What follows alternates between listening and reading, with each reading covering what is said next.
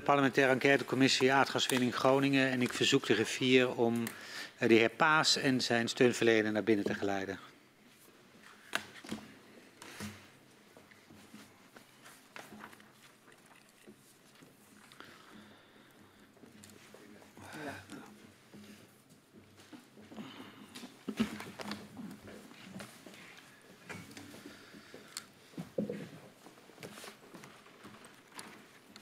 Welkom, meneer Paas. Geldt ook voor u, uh, meneer Ten Wolde, hier bij de parlementaire enquêtecommissie Aardgaswinning Groningen. 60 jaar gaswinning heeft Nederland veel gebracht, maar kent zeker voor gedupeerde schaduwkanten. De commissie onderzoekt hoe deze schaduwkanten hebben geleid tot het besluit om de aardgaswinning in Groningen te stoppen. We willen weten hoe de besluitvorming op cruciale momenten is verlopen. Hoe private en publieke partijen hebben samengewerkt bij de gaswinning. We onderzoeken de aardbevingen en de ontwikkeling van kennis daarover de afhandeling van schade veroorzaakt door de bevingen en het proces van het versterken van gebouwen in Groningen. Eh, meneer Paas, u bent eh, commissaris van de Koning, ook al enige jaren. In die hoedanigheid willen we u horen als getuige. U heeft ervoor gekozen om de eed af te leggen en daarmee de gehele waarheid en niets dan de waarheid te zullen zeggen. En om die reden om even te gaan staan. En uw wijs en middelvinger tegen elkaar te houden en mij na te zeggen, zo waarlijk helpen mij God almachtig. Zo waarlijk helpen mij God almachtig. Dan staat u onder Ede en mag u weer plaatsnemen. Het voor met u wordt afgenomen door mevrouw Kat en mevrouw Katman. En mogelijk dat de heer Quint ook nog enkele vragen aan u heeft. Dat is helder? Zeker. Dan gaan we beginnen. Meneer Paas, u begint op 18 april 2016 als commissaris van de Koning in Groningen. En deze functie bekleedt u nog steeds. Op 10 maart van dit jaar bent u herbenoemd voor een tweede termijn. In dit verhoor willen we met u hebben over uw rol als commissaris van de Koning bij de aanpak van de gevolgen van de gaswinning. Op het moment dat u aantreedt als commissaris van de Koning van de provincie Groningen is de problematiek rond bodembeweging door de gaswinning al volop bekend. Um, in hoeverre was u bij uw aantreden op de hoogte daarvan? Ja, als je solliciteert, want het gaat gepaard met een sollicitatieprocedure als commissaris van de Koning in Groningen, dan is vanaf het eerste gesprek, het gesprek met de minister, is gaswinning ook een thema. Dus ik wist dat uh, gaswinning een belangrijk thema was. Uh, had me daar ook grondig in ingelezen. Ik was toch nog overvallen door. Op, uh, begin februari werd duidelijk dat de Staten van Groningen mij hadden voorgedragen als de nieuwe commissaris. En dan krijg je ineens. we hebben getaxeerd ongeveer duizend reacties erop in alle inboxen die je hebt. dat blijken er dan veel te zijn. En Groningers zeiden welkom terug, welkom thuis. Een soort warme douche die je dan krijgt. Uh, mensen elders uit het land zeiden gefeliciteerd en sterkte. Hè? En dat en sterkte hè, heb ik ook bij een paar mensen nagevraagd. Maar dan blijkt dat heel veel mensen die reageren op het feit dat je een mooie nieuwe rol mag vervullen, dat die, zeggen, hè, dat, dat, dat die laten merken dat er in Groningen, in de ogen van heel Nederland, iets aan de hand is. Nederland had iets recht te zetten op dat moment. Um, wat was uw formele rol bij de provincie bij, als het gaat om gaswinning? Ja, um, uh, commissarissen van de Koning zijn net als burgemeesters uh, in veel vergaderingen waar ze in terechtkomen. Wij vergaderen de hele tijd. Hè. Uh, in veel van de vergaderingen waar ze in terechtkomen zijn ze de voorzitter. Dus dan zijn ze niet de portefeuillehouder. Er is iemand anders in de vergadering aanwezig mhm. die er veel meer verstand van heeft. Er, die ook allerlei vergaderingen heeft bijgewoond waar je zelf niet bij bent geweest. En mijn rol, of het nou is in het college van GS of in uh, al die andere overleggen die te maken hebben met gaswinning. Mijn rol is over het algemeen om uh, ervoor te zorgen dat degene die er meer verstand van heeft, die de specialist is in dat gezelschap, dat die, dat die inbreng tot zijn recht komt en dat er overeenstemming ontstaat over wat we vanaf nu gaan doen. Dat geldt voor binnenskamers bij GS, maar dat geldt voor al dat soort overleggen. Ja. Welke uh, verwachtingen waren opgenomen in de profielschets voor de nieuwe commissaris? Uh, dat hoor ik altijd paraat te hebben, maar uh, uh, de profielschets bevatte een aantal, aantal kwaliteiten die de commissaris zou moeten hebben. Um, ik zal het u voorleggen. Nou ja, in ongeveer alle profielschetsen, ik lees er heel veel, omdat ik me ook bemoei met burgemeestersbenoemingen. Ongeveer alle profielschetsen leggen het, het verzijn van verbinder vooraan in de tekst. Dat was ook in Groningen het geval. Uh, maar de profielschets, ik heb hem niet meer scherp voor de bril, maar ik weet zeker dat er in die uh, profielschets ook uh, is beschreven in wat voor soort ellendige situatie Groningen zit. En dat er daarnaast, die spagaat blijft altijd bij provinciebestuurders in het hoofd, dat er daarnaast allerlei fantastische kansen zijn in Groningen die je ook vorm moet zien te geven. Ja. Dus al in de profielschets, ik improviseer, want ik had hem even moeten raadplegen, maar al in de profielschets is waarschijnlijk van de commissaris verwacht dat hij uh, die twee gezichten van Groningen zou kunnen laten zien. Ja. Ja, dat lezen we ook terug inderdaad in de profielschets. Het gaat dan inderdaad Kijk. wat u zegt. Uh, hoe winnen we vertrouwen terug van de inwoners, maar ook hoe zorgen we dat ze veilig kunnen wonen. En hoe bieden we de inwoners van het aardbevingsgebied perspectief op een veilige en duurzame toekomst. Um, welke rol uh, nam u?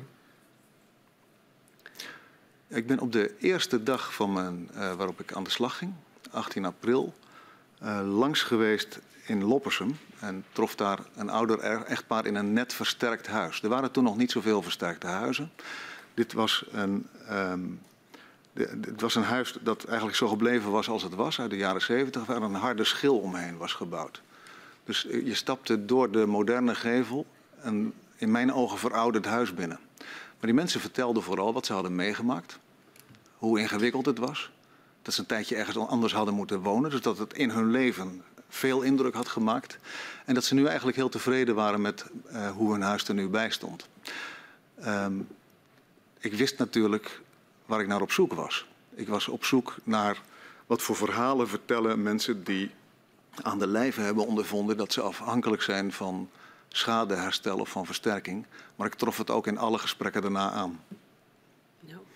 Dus u haalde al die verhalen ook op en u was ook met die mensen in gesprek daarover? Ja, en ik was dat niet alleen. Uh, burgemeesters, wethouders, gedeputeerden spraken waarschijnlijk nog veel vaker met mensen die het, uh, die het, uh, die het aangingen en die het meemaakten dan ik zelf. Ja. In hoeverre had u contact met de partijen in het gasgebouw? Um, ik heb gesproken met allerlei vertegenwoordigers van het ministerie van EZK en van EZ daarvoor. Uh, de minister met hoge ambtenaren.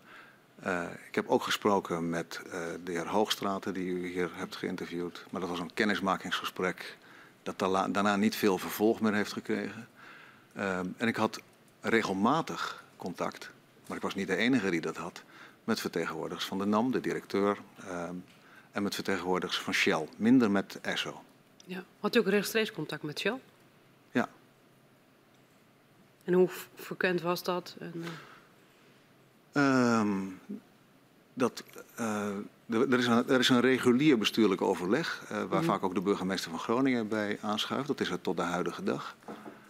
Um, en ik heb ook met bijvoorbeeld Marjan Verloon met enige regelmaat gewoon een kop koffie gedronken van hoe hangt de vlag er nou bij? Hoe staan jullie erin? Hoe kijk je aan tegen, tegen de wereld?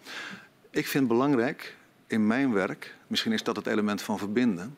Ik vind belangrijk in mijn werk dat ik eh, in een speelveld dat Groningen bestuurders niet kunnen overzien.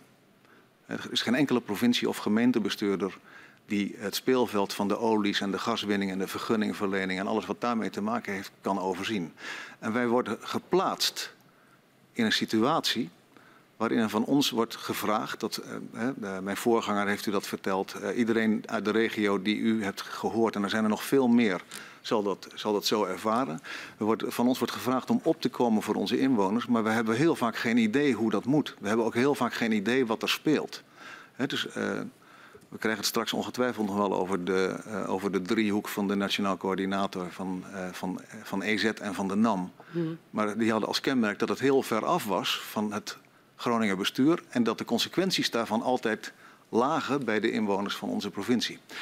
En alle uh, provincie- en gemeentebestuurders hebben zich verplicht gevoeld om op te komen voor hun inwoners. Te doen wat ze konden en op, op allerlei manieren. Maar nooit, dat geldt ook voor mij, het speelveld overzien. Dus wat ik in al die kopjes koffie, al die contacten probeerde te doen, met wisselend succes, is om een beeld te krijgen van wat speelt er aan de andere kant van het gordijn, waar wij niet bij kunnen. Um, binnen het college van de gedeputeerde staten zijn verschillende bestuurders betrokken uh, bij de aardbevingsproblematiek. Um, wat is eigenlijk de verdeling tussen enerzijds uh, de commissaris en anderzijds die verschillende gedeputeerden die het dossier dus in portefeuille hebben? Ja, ik leg u dat zo net al een beetje uit. Uh, in de profielschets staat in ieder geval het zinnetje dat de commissaris geen portefeuille heeft. Dat was dus kennelijk belangrijk om op te schrijven in de profielschets. Uh, dat betekent dat, dat alle inhoudelijke portefeuilleonderdelen belegd zijn bij politiek verantwoordelijken, bij gedeputeerden. die trekken de kar. En uh, mijn verhouding is dat als het spannend is, gaswinning is altijd spannend geweest. Mm. Als het spannend is, dan probeer je natuurlijk heel goed op de hoogte te blijven bij wat de, wat de politiek verantwoordelijke daarin uh, meemaakt. Uh, probeert te, te, te, bevorderen dat hij in het college vertelt wat hij heeft meegemaakt. Nou, Ilko deed dat echt wel uit zichzelf ook hoor. Dus dat, ik hoefde hem niet al te veel te stimuleren. Maar te zorgen dat, dat het college als geheel een besluit neemt. Want hè, we zijn een collegiaal bestuur. Dat betekent dat een individuele gedeputeerde geen besluiten neemt. We doen dat als gezelschap.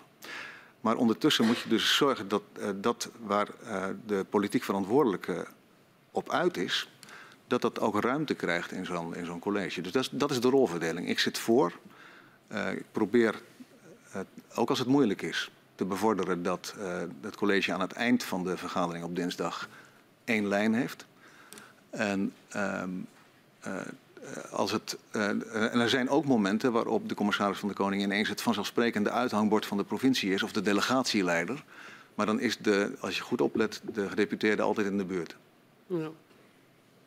Herkent u dan ook de verklaring van de heer van de gedeputeerde Eikenaar dat, dat, hij, dat hij zegt, en ik quote de commissaris, of het nou over Max van den Berg of over René Paas gaat, het was vooral het boegbeeld van de provincie en probeerde de burgemeesters erbij te halen. Nou, dat, dat is één van de aspecten van, uh, van de rol. Een andere is, eh, wat ik zo net uitlegde, het ja. voorzitterschap. Ja. Dat, is, dat is achter gesloten deuren, dus weinig boegbeeld, maar het is vaak hard werken. Onderhield u ook uh, zelf rechtstreeks contact met ambtenaren die met dit onderwerp bezig waren? Uh, bij de provincie of bij het Rijk of in algemene zin? Nou, dus aardbevingsproblematiek vanuit de provincie Groningen en ja. u als commissaris van de Koning. Zeker, ja. Ja, uh, dus, uh, Hoe had... werkt het dan als, u, als het inhoudelijk portefeuille is belegd bij een ander? Uh, het belangrijkste is dat je geen dingen doet die de portefeuillehouder verrassen. Maar het is ook belangrijk dat de commissaris bij belangrijke onderwerpen van de provincie op de hoogte is van wat er speelt. Dus dan heb je niet genoeg aan bijpraten periodiek met de gedeputeerde. Dan heb je ook niet genoeg aan dat belangrijke onderwerpen in het college van GS worden besproken. Dan moet je af en toe ook even worden bijgepraat. Hands-on, uh, door ambtenaren die daar feitelijk mee bezig zijn. Dat begint bij de directie en soms wordt de directie ondersteund door weer andere ambtenaren die er vaak nog meer van weten. En er zijn later in het proces ook momenten geweest dat ik bijvoorbeeld de trekker was van een onderdeel van de tafel Groningen bovengronds. Dat was in de tijd van minister Wiebes. Um, nou, dan heb je ook ineens een inhoudelijke verantwoordelijkheid gekregen in het samenspel tussen Rijk en regio. Bij uw aantreden is minister Kamp minister van Economische Zaken. En minister Kamp is dan 3,5 jaar in functie. U komt terecht in veel lopende dossiers over de verdere afbouw van de winning, de schadeafhandeling, de uitvoer van het bestuursakkoord 2014 en de aanvulling hierop van februari 2015. Wat zijn bij deze vraagstukken uw ervaringen uh, met minister Kamp tussen april 2016 en april 2017? En ik zeg het even zo streng, uh, want het is fijn als we dit voor een beetje stapje voor stapje kunnen doornemen, want er gebeurt veel in korte tijd. Dus ik vraag expliciet uh, naar ja, de ervaring met minister Kamp tussen april 2016 en oktober 2017. Oktober 2017, oké. Okay. Ja. Dat vind ik een logische datum. Ik dacht, wat is er ja. gebeurd in april 2017? Um, het gaat dus eigenlijk over de fase met minister Kamp die ik heb meegemaakt. Ja. Um, nou, ik, heb, ik ben er nooit in geslaagd om met minister Kamp een innige band op te bouwen. Het duurde uh, in mijn herinnering een maand of drie, namelijk vlak voor het eerste formele bestuurlijk overleg dat de minister in Groningen had, dat ik voor het eerst een kop koffie met hem dronk. Um, uh, en uh, da daarna gebeurde het wel eens dat de minister mij belde om mij op de hoogte te stellen van iets wat hij dan diezelfde dag nog of de dag daarna in een brief aan de Kamer zou sturen. He, dus als bestuurlijke partijen die netjes met elkaar omgaan. Maar dat is niet hetzelfde als uh, innig uh, met elkaar bespreken hoe je de toekomst ziet van Groningen. Waarom vond u dat belangrijk? Om een innige band op te bouwen? Ik, ik, weet ook niet, nee, ik weet niet of ik dat belangrijk vond. Het viel me op. He, dus de, de, de relatie met de minister was afstandelijk. Ja. En hoe vaak voerde u dan bestuurlijke overleggen met minister Kamp? Nou, dat was niet zo vaak. Uh, zijn opvolger had een hele hoge frequentie van bestuurlijke overleggen. Uh, Maar ik denk dat het eens in het half jaar was of zo. Ja. En dan was het wel zo dat hij u af en toe uh, uh, een mededeling deed, los van de bestuurlijke overleggen? Ja, niet alleen aan mij. ik herinner me dat we, dat we, dat we een, een, extra sessie, een hijsessie hadden van ons college. En dat ineens gedeputeerde Eikenaar met de minister aan zijn oor de dijk opliep. En toen deelde de minister mee uh, dat de, de, bouw van de stikstoffabriek niet doorging omdat hij niet uitkomt. Dus er zijn ook anderen die af en toe een mededeling krijgen van de minister. Maar het, er was geen intensief verkeer. En in onze beleving, daar ga ik ongetwijfeld straks als we de kwesties induiken meer over vertellen. In onze beleving bewoog de minister ook niet. Dus als je naast minister Kamp zat, dan had hij een zeker in het begin, maar ik denk dat het ook is gebleven, een intimiderende kennisvoorsprong en een kogelrond verhaal. En er was eigenlijk ook niemand van de aanwezige bestuurders uit de regio die daar grip op kreeg. Dus we kregen in bestuurlijk overleggen, in mijn herinnering, de wereld volgens kamp toegediend. En dat was een wereld waarin leveringszekerheid heel belangrijk was voor de veiligheid. En dat was een wereld waarin uh, uh, schade verhaald moest worden bij de veroorzaker via het aansprakelijkheidsrecht. En in hoeverre stond minister Kamp dan open voor nou ja, de wereld volgens Groningen, om het maar zo te zeggen? Uh, in mijn waarneming niet. Ja, ik kan, het, ongetwijfeld komt u straks nog met me te spreken over, ja, uh, over, ja. over het proces ja. bij de schade, maar dat is een treffend voorbeeld. Nee. Dus, geen, dus hij stond niet open voor signalen? Nou, nee, ik kan me geen, geen markant moment herinneren waarin de minister uh, iets groots heeft gedaan met een signaal dat uit Groningen kwam. En we hebben de minister erg vaak onze mening gegeven. Ook de heer Alders is al in functie als u start. Ja. Uh, hij is dan een jaar daarvoor begonnen als nationaal uh, coördinator Groningen. In hoeverre introduceerde minister Kamp de heer Alders bij u als vertegenwoordiger namens de regering? Niet. Maar zo zagen we hem ook niet. Toen ik binnenkwam uh, heb ik iets van 100. Ik heb, me gevraagd om een lijst voor me te maken van 100 mensen die ik gesproken moest hebben voordat ik uh, uh, aan de slag zou gaan. Ik heb de 100 niet helemaal gehaald, maar het was een, was een mooie voornemen. Er, zat, er zaten allerlei mensen in. Hè? Natuurlijk de bekende bestuurders, burgemeesters, gedeputeerden, uh, ambtenaren. er zaten vertegenwoordigers van maatschappelijke organisaties in. er zaten ook, ook, ook rijksambtenaren in. Dus ik, ik, probeerde mij een beeld te vormen van, van hoe de vlag erbij hing volgens verschillende gesprekspartners. En wat mij opviel, zeker na de dramatische verhalen die ik had gelezen over Groningen, was dat de toestand wel ernstig was, maar dat er ook een soort optimisme was. Er was een goed akkoord gesloten met de minister, um, alweer een tijdje geleden. En Hans Alders zat er nog niet zo lang. Uh, uh, en die, nou, het, dominante beeld in die gesprekken was uh, dat de nationaal coördinator ook gewoon een kans moest hebben om een succes te worden. En dat betekent dus, want ik vroeg u uh, in hoeverre minister Kamp de heer Alders had geïntroduceerd als vertegenwoordiger oh ja. namens de regering. Dat u, nee, u zegt uh, eigenlijk van als, als een autonome autoriteit dan. Bedoelt u dat? Nee, de, de, de, u vroeg mij of de minister hem had geïntroduceerd ja. bij mij als een vertegenwoordiger van het Rijk. Ja. Nee, zei ik. Ja. Um, maar we zagen hem ook niet als een vertegenwoordiger nee. van het Rijk. Er waren natuurlijk ongunstige voortekenen, want hij bediende zich van de huisstijl van het Rijk. En, ja. uh, maar maar de mensen die ik sprak in de beginfase, die hadden het over de nationaal coördinator die wij graag hadden gewild. En die er nu was. En die een kans moest krijgen. En hij had ook een meerjarenprogramma gemaakt vlak voor mijn komst. En dat was ook een populair programma. Later bleek dat het optimisme dat ik tegenkwam uh, weersproken werd door berichten in het nieuws. En dat we de hele tijd zagen dat de nationaal coördinator met het prachtige meerjarenbeleidsplan, dat, het was een plan zonder geld. Dus, uh, hij moest de hele tijd op zoek bij anderen om de financiële middelen te regelen om zijn plan te kunnen realiseren. Ja, u zei net al even van later. Dus uh, hoe eigenlijk in die, periode dat u te maken had, zowel met minister Kams als NCG Alders. Wat, wat kunt u daarover zeggen, um, wat, wat er eigenlijk goed ging?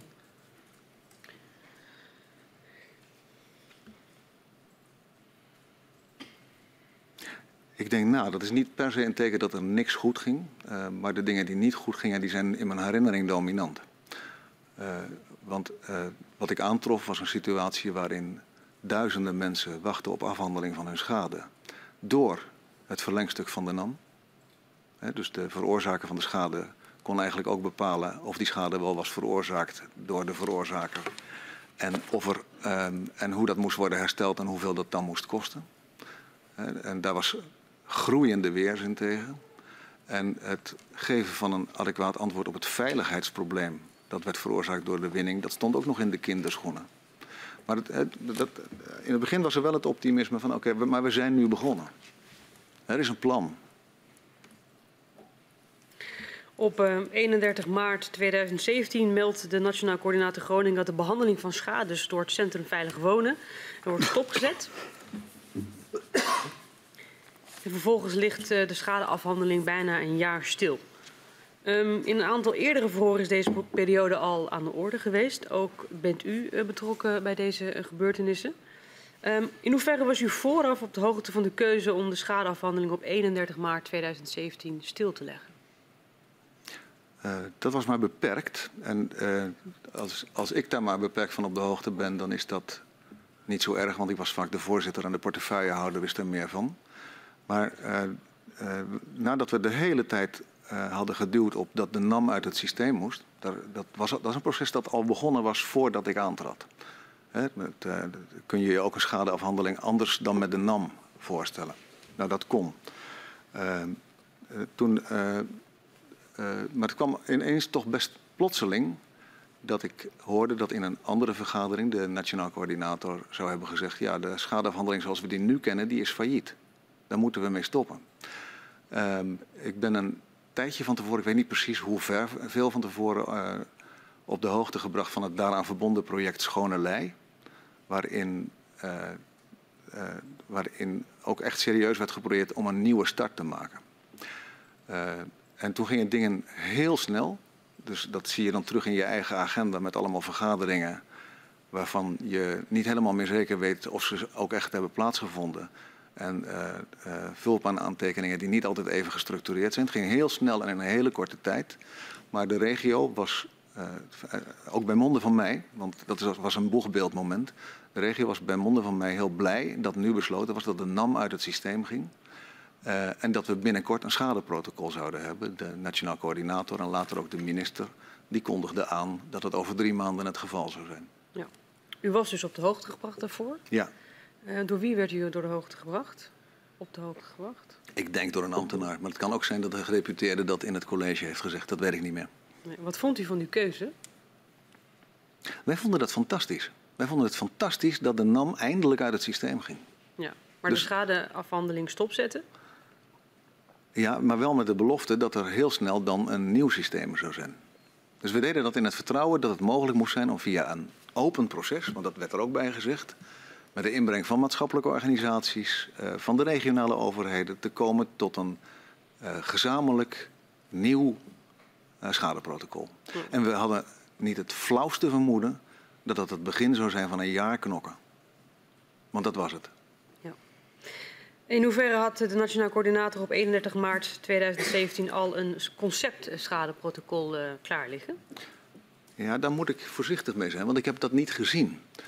Uh, er waren wel vermoedens dat er wel al dingen waren geregeld. Ik hoorde de heer Schotman uh, bij u zeggen dat hij al een afspraak had met de nationaal coördinator. Dat was voor mij nieuws. Maar we zagen wel patronen waarin. Uh, het begon met de minister die in de brief aan de Kamer, onmiddellijk waarin hij dat bekend maakte, uh, zozeer de suggestie wekte dat het, dat, het een schade, dat het een schadeafhandeling zou worden volgens een patroon dat wij slecht vonden. Bijvoorbeeld met een ring waar buiten je een stuk slechter zou worden behandeld dan binnen de ring. Dus een, een, buitencontour. Um, dat de maatschappelijke organisaties uh, ter plekke besloten om te zeggen, maar aan zo'n proces doen wij niet mee. Dus dat was heel ernstig. De minister heeft daarna nog een brief geschreven om dat te herstellen. Um, maar de maatschappelijke organisaties waren toen een tijdje weg. En we zagen dat uh, steeds weer uh, ik zeg we, maar ik moet hier wel de waarschuwing bij maken dat ik heb de emotie goed meegekregen, maar het gebeurde vaak in vergaderingen waar ik niet persoonlijk bij zat. Uh, maar uh, we ervoeren steeds meer dat, steeds weer dat er tijdens die vergadering het beeld ontstond van ja, er, er, is al een concept, er is al een idee. Maar wat is dat idee dan? Laat het dan zien. En um, heel vaak gingen de gesprekken, heb ik begrepen, ook in de richting waarin het ging over een contour en over het denkwerk van een bureau Witteveen en Bos, waarvan we eerder hadden gezegd dat we dat denkwerk om precies die reden niet, uh, niet aantrekkelijk vonden. Dus er, er, er gingen geruchten dat er al een soort van concept lag. Maar er werd ons plechtig beloofd dat het een open proces zou zijn. Ja, en door, door wie werd dat plechtig, plechtig beloofd? Door de minister en door de nationaal coördinator. Ja. Maar als u dan geruchten hoort, wat doet u dan met die geruchten? Uh, ik ben niet in een positie om op elk gerucht dat ik hoor meteen een checkvraag te plegen. Nee. Dus als je beloofd wordt, dit wordt een open proces, dan is er iets ernstigs aan de hand als maatschappelijke organisaties eruit stappen vanwege een brief. Op die brief is niet door mij, maar er is natuurlijk wel degelijk op geacteerd, want er kwam een, uh, er kwam een reactie een paar dagen later dat de minister het anders had bedoeld en dat het echt een open proces zou worden. Daarna duurde het enige tijd voordat maatschappelijke organisaties weer aan tafel kwamen. Dat was op 4 mei.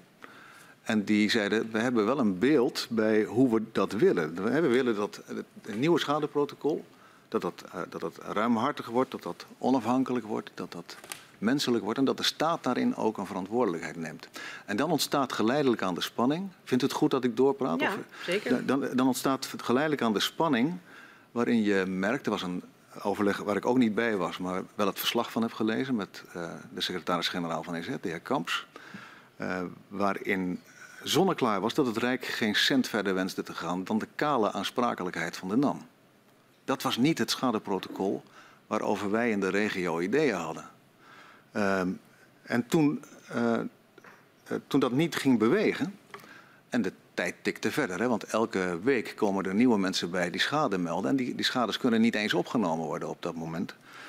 Uh, toen, uh, toen hebben, dat was 23 mei, toen hebben de regionale overheden samen met de maatschappelijke organisaties gezegd: uh, wij als input voor de nationaal coördinator die aan de slag ging met het schadeprotocol, wij stellen ons het schadeprotocol op de volgende manier voor. Dat was een schadeprotocol waar vier pijlers uh, onder zaten. Verantwoordelijke staat, uh, uh, een menselijke maat, een rechtvaardige bepaling van de schade en een onafhankelijke beoordeling.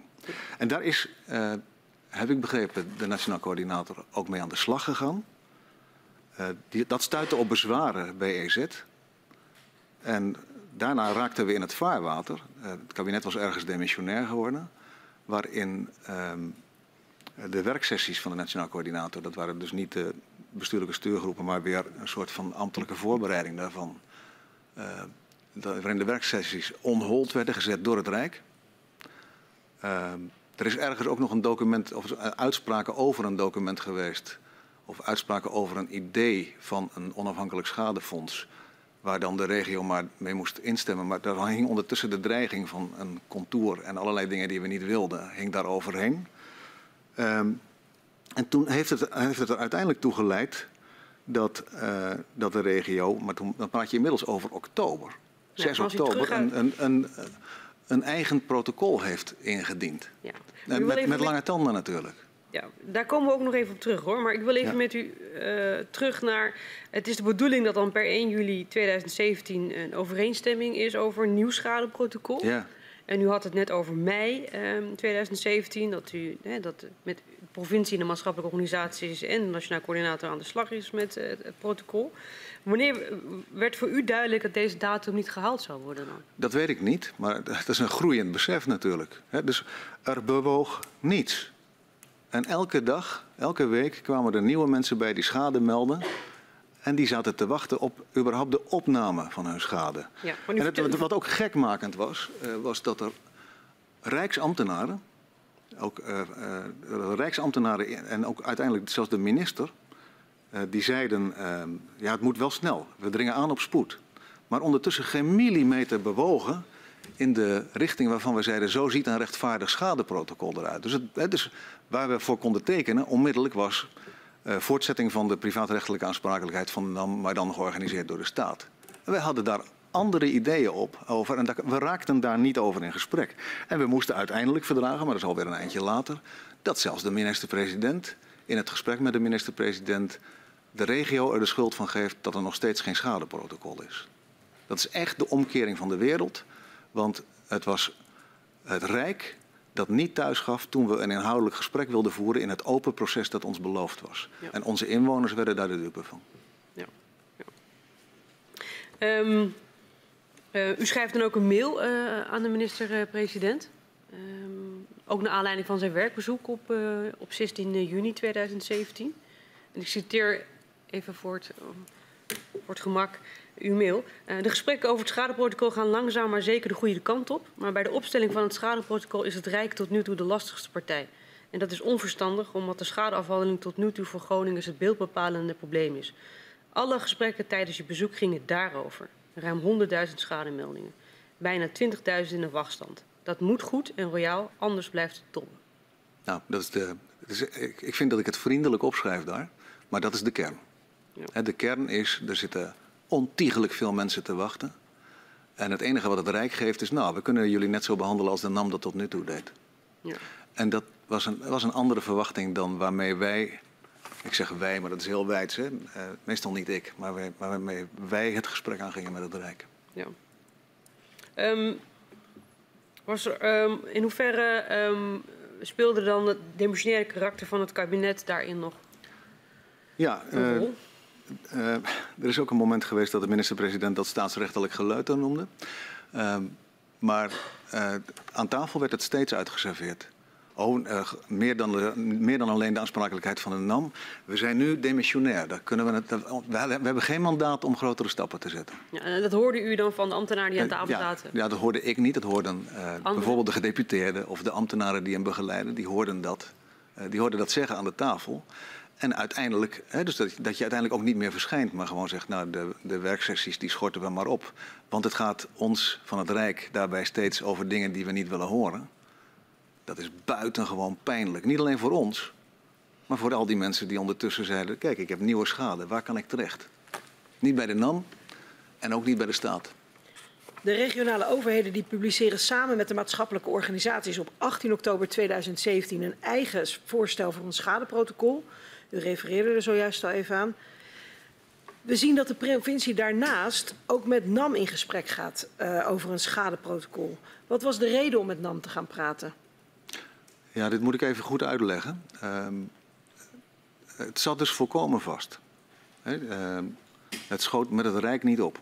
De wachtlijst werd elke dag langer. En ehm, goede ideeën die we hadden, de ideeën waarvan we zeiden, daar zouden we het eens over moeten hebben, die verdwenen.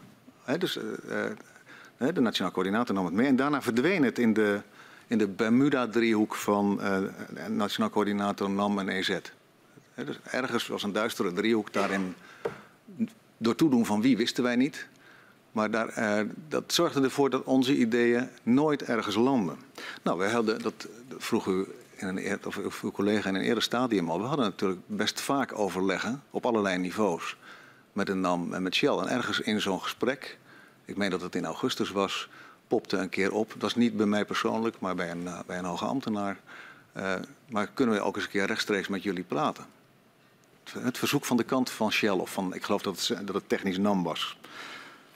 Nou ja, um, dat, dat, uh, dat leek, als het zo vast zat, natuurlijk een heel erg goed idee. Al was het maar om erachter te komen wat er eigenlijk aan de hand was. He, dus, dat is, uh, dus dat gesprek is overigens niet alleen. Uh, het is een gesprek, dat, u zei dat de provincie dat gesprek voerde, dat is te beperkt. nee, want ik zie inderdaad de gesprekken met NAM, die worden gevoerd door zogenaamde ambtelijke verkenners. Ja. Dat kom ik tegen. Maar die zijn wel van de provincie. Nee. Ja, onder andere. en van gemeenten. Precies. ja. ja. Ja, want uh, ik zou, ik zou dit, zou, we zouden elkaar tekort doen als we er een solo-act van de provincie van maken. We hadden voortdurend overleg met de regio en met maatschappelijke ja. organisaties. Nee, daarom heb ik een vraag voor u. Okay, van wat was ja. dan de betrokkenheid van het algemeen bestuur regio van gemeente en provincie bij die gesprekken tussen de ambtenaren en NAM? Dat was van A tot Z betrokken. Dus van tevoren is er gezegd, we hebben dit signaal gekregen vanuit de NAM. Uh, zullen we ingaan op dat gesprek?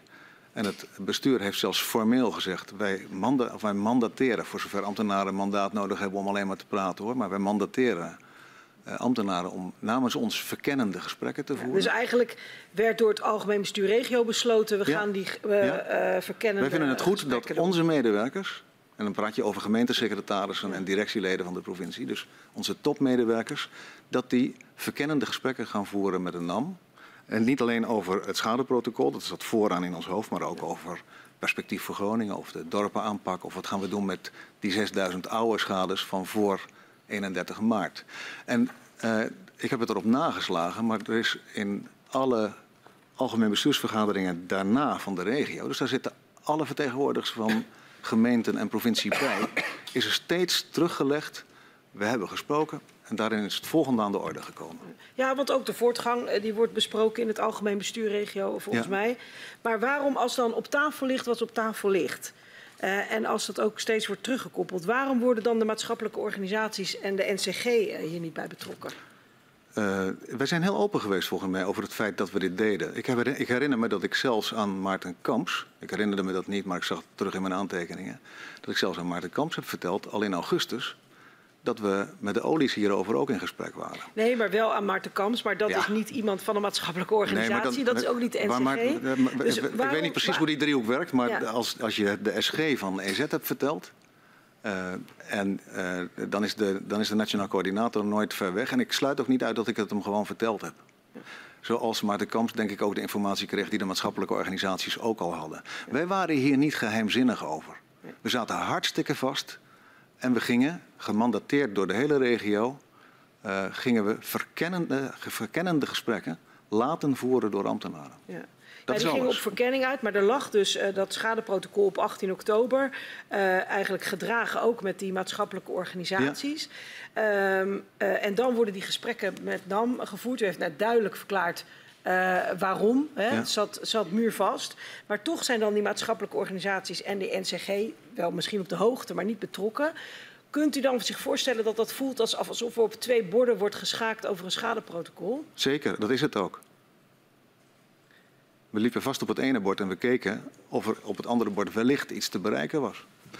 Maar wat zou u doen? Nou, net hoef ik u niet te vragen. Hè? Maar uh, wat, wat moet je doen op het moment dat je ziet dat er een groeiende hoeveelheid inwoners van je provincie zijn schademelding niet eens kwijt kan, laat staan dat de behandeling kan, sta kan starten.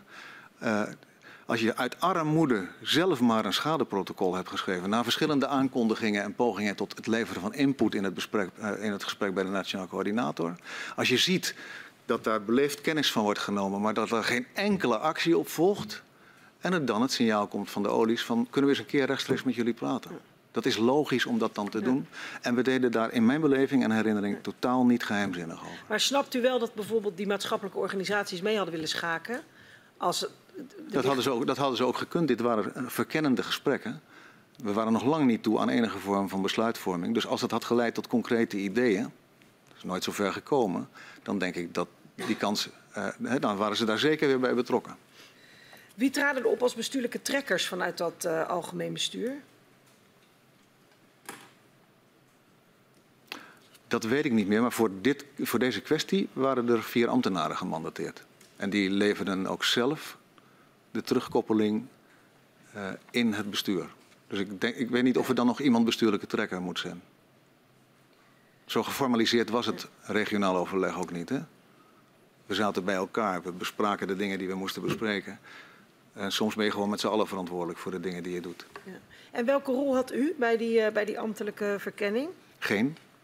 Ik nam kennis. Ik, ik was een van de mensen die mandaat verschafte. En ik was een van de mensen die kennis nam van de terugkoppeling. En ik sluit niet uit dat een keer een provincieambtenaar mij tussentijds even heeft bijgepraat over hoe het liep met Shell. Ja. Maar u spreekt ook zelf met Shell? Ja, maar niet hierover. hierover. Niet hierover. Ik kom dat wel tegen. Kunt u zeggen waar u het tegenkomt? In de, in de gespreksverslagen die u heeft als in de gesprekken met Shell. Het komt wel ter sprake. Ja, het kan zijn dat je het dan hebt over vergelijkbare onderwerpen. Maar deze ambtelijke verkenning wordt door ambtenaren gevoerd. Maar als je in dezelfde tijd, ik heb dat niet precies nagegaan, maar als je in dezelfde tijd spreekt met topmensen van Shell, die weten wat er aan de hand is, dan kan het best zijn dat je, uh, dat je het er even over hebt. Maar dat is niet anders dan, dan, dan, dat je wederzijds vaststelt dat elders dat gesprek wordt gevoerd. Het, is, het zou apenstom zijn, en dat doe ik ook niet, uh, als ik probeer een soort van dubbeling van de gesprekken die kundige ambtenaren ergens anders zitten te doen, om, uh, om, om, daar een dubbeling van te maken. Zo, zo werkt het niet. Dus die ambtenaren hebben de ruimte gekregen van het bestuur om iets te gaan verkennen. Die zijn dat aan het verkennen. En dan kan het best zijn dat ik ondertussen toevallig iemand tegenkom, of helemaal niet toevallig, gewoon omdat het reguliere gesprekken zijn. En dat het dan een van de punten is die je even bespreekt. Zo komt het dan waarschijnlijk in een verslag. Maar ik geloof niet dat we daar, uh, maar u hebt het verslag voor u, ik geloof niet dat we daar uh, concurrentie met onze eigen ambtenaren aan het maken waren. Nou, wat ik wel in, het, uh, in de gesprekken tegenkom, en ik gebruik even uw woorden, want u zei dat zou apenstom zijn. En dat is dan mijn, uh, mijn indruk hè, van, ja, van, van u wat denkt dat het apenstom was? Is dat u wel in die... ja, dat, dat zeg ik niet. Dat u in die gesprekken... Ja, voor mij kwam het dus zo over dat, dat daar ook verder wordt geschaakt. Nee. Maar dan, hoe komt het dat het bij u in het verslag zit? Doordat wat ik heb meegemaakt met uh, iemand van Shell. Ik, wie was het, Marjan van Loon? Uh, ook. Wat voor verslag is het? Misschien moeten we ja. dat even vertellen. Uh, ja, het het, het, volgens mij uh, uh, zijn het uw reguliere overleggen in 2017 die u heeft uh, met Shell, tussen Shell en de provincie. Ehm, en inderdaad, mevrouw Van Loon is daar natuurlijk ja. onderdeel van. En in de verslagen die ik tegenkom is het wel degelijk zo dat het gaat over het schadeprotocol en wat u um, nou ja, uh, uh, daarvan vindt. En wat voor afspraken hebben we daar gemaakt? Het zijn, wel, het zijn gewoon uitspraken, geen afspraken. Het, is niet dat u ergens een handtekening ja. zet. Ja, maar dat bedoel ik. Ja. Dan is het minder apenstom dan u vermoeden. Nee, ik, ik had het over schaken. Ik had okay. het niet over afspraken maken. Ja. Het, het, het is, u, moet me, u moet zich mijn werk en het werk, werk van heel veel bestuurders voorstellen als een werk waarin je probeert zo voortdurend in contact te staan met mensen die mogelijk invloed uitoefenen op de wereld waar, waarvoor je van betekenis wilt zijn. Onder andere Shell. En daar heb je het natuurlijk over de dingen die relevant zijn.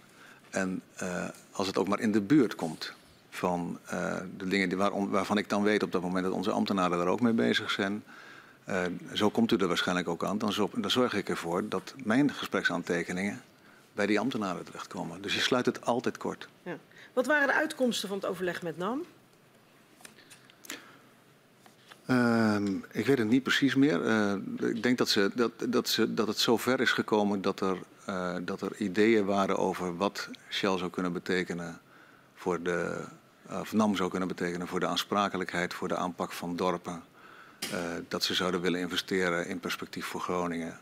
En misschien ook wel dat er een royaal gebaar voor de, voor de, voor de 6000 oude gevallen in zou kunnen zitten. Het is niet meer van betekenis, want we zijn ermee gestopt zodra alle dingen transparant op de tafels Groningen bovengronds lagen.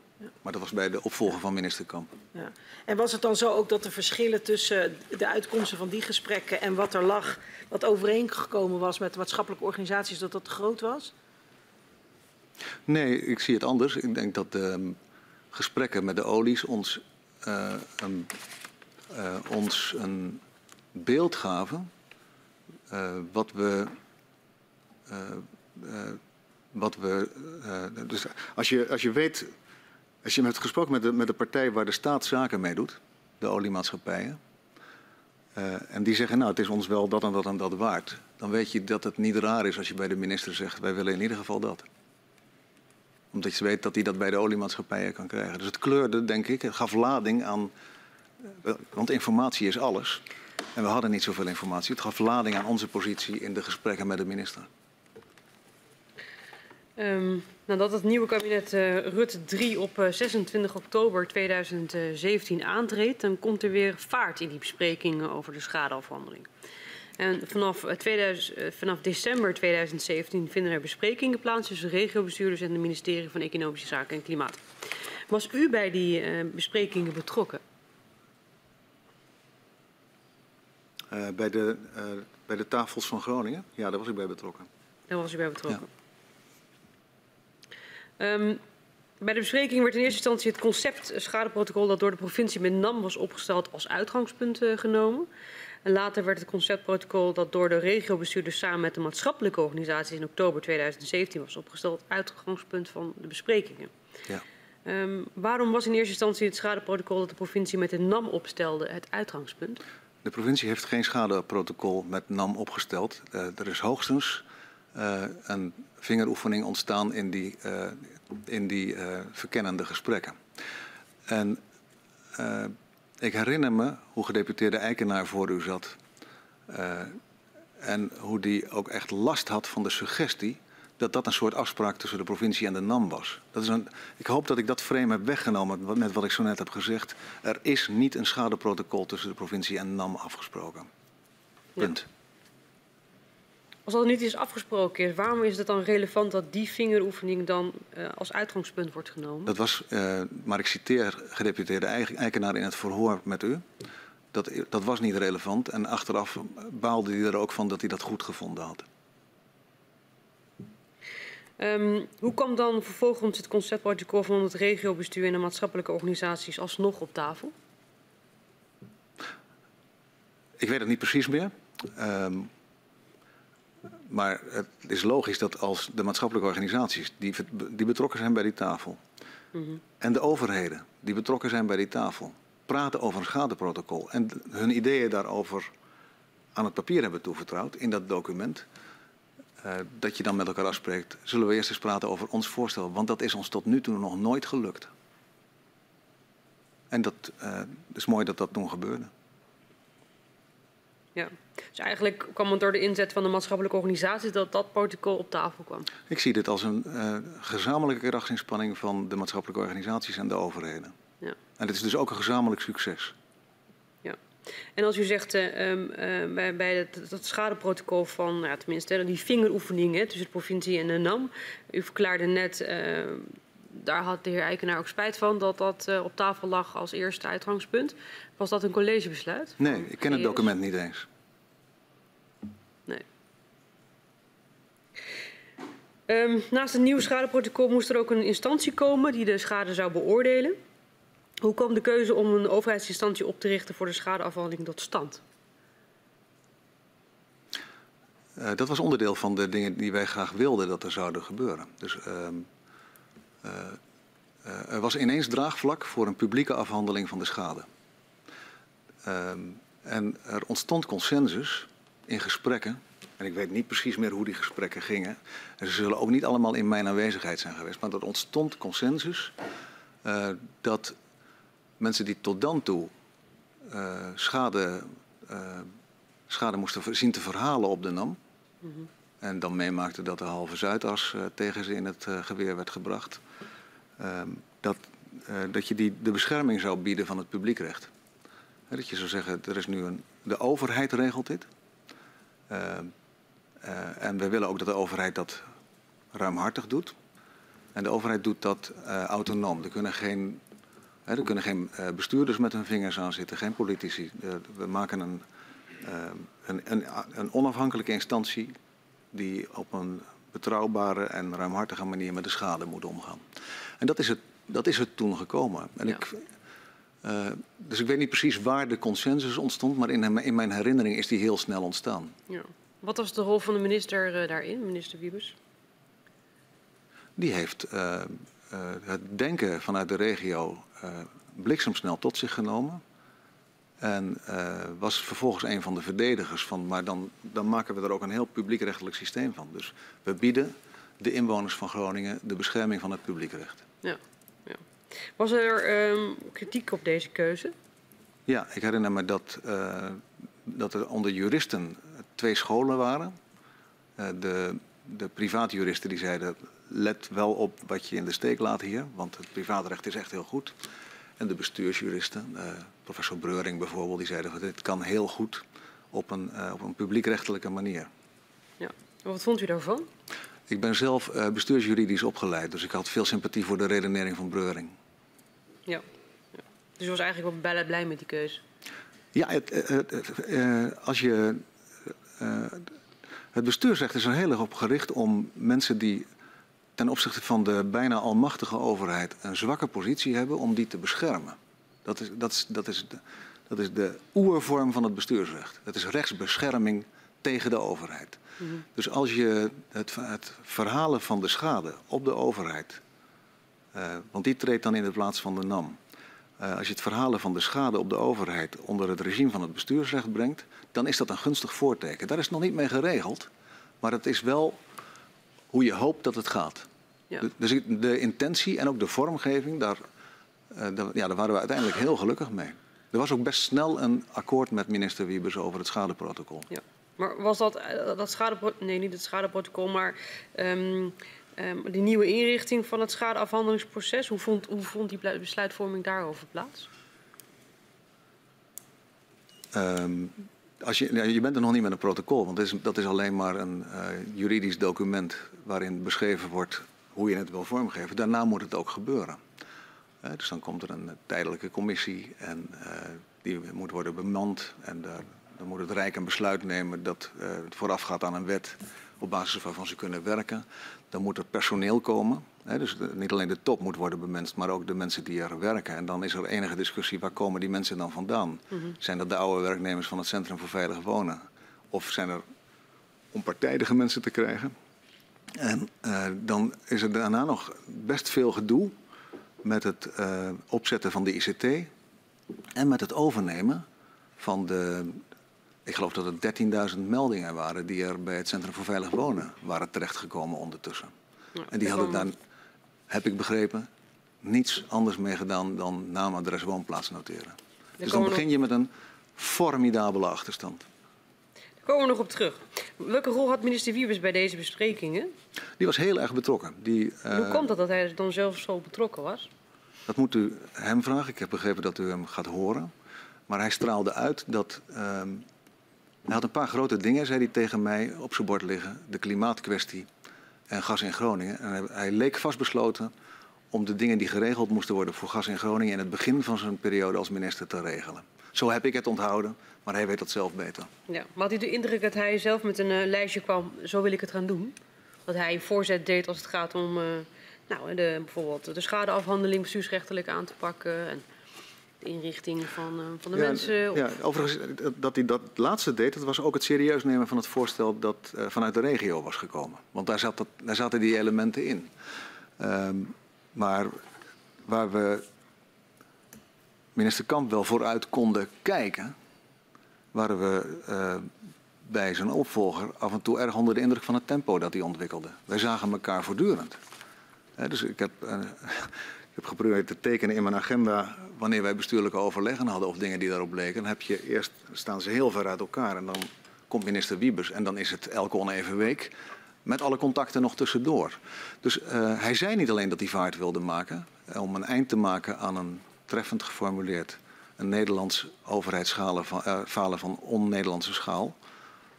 Maar hij maakte daar ook werk van. Hij zei we gaan daar, we gaan daar een projectstructuur voor opzetten. En we gaan zorgen dat we tempo maken op alle relevante onderdelen.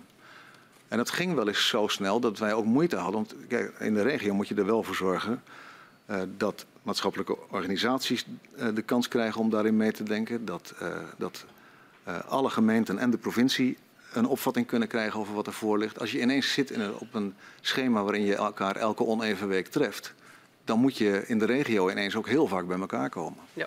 Dus het was, he, dat, dat, dat nam een, de bestuurlijke drukte nam er enorm door toe. Toen, uh, uh, toen we het net hadden over dat uh, conceptprotocol van uh, provincie en NAM, toen zei je, ja, ik ken dat stuk niet. Maar toch zie ik dat uh, op, ja, in, op 18 december 2017... Uh, dan wordt er wel een conceptrapport ook opgemaakt... door die ambtelijk verkenners die op pad worden gestuurd. Ja.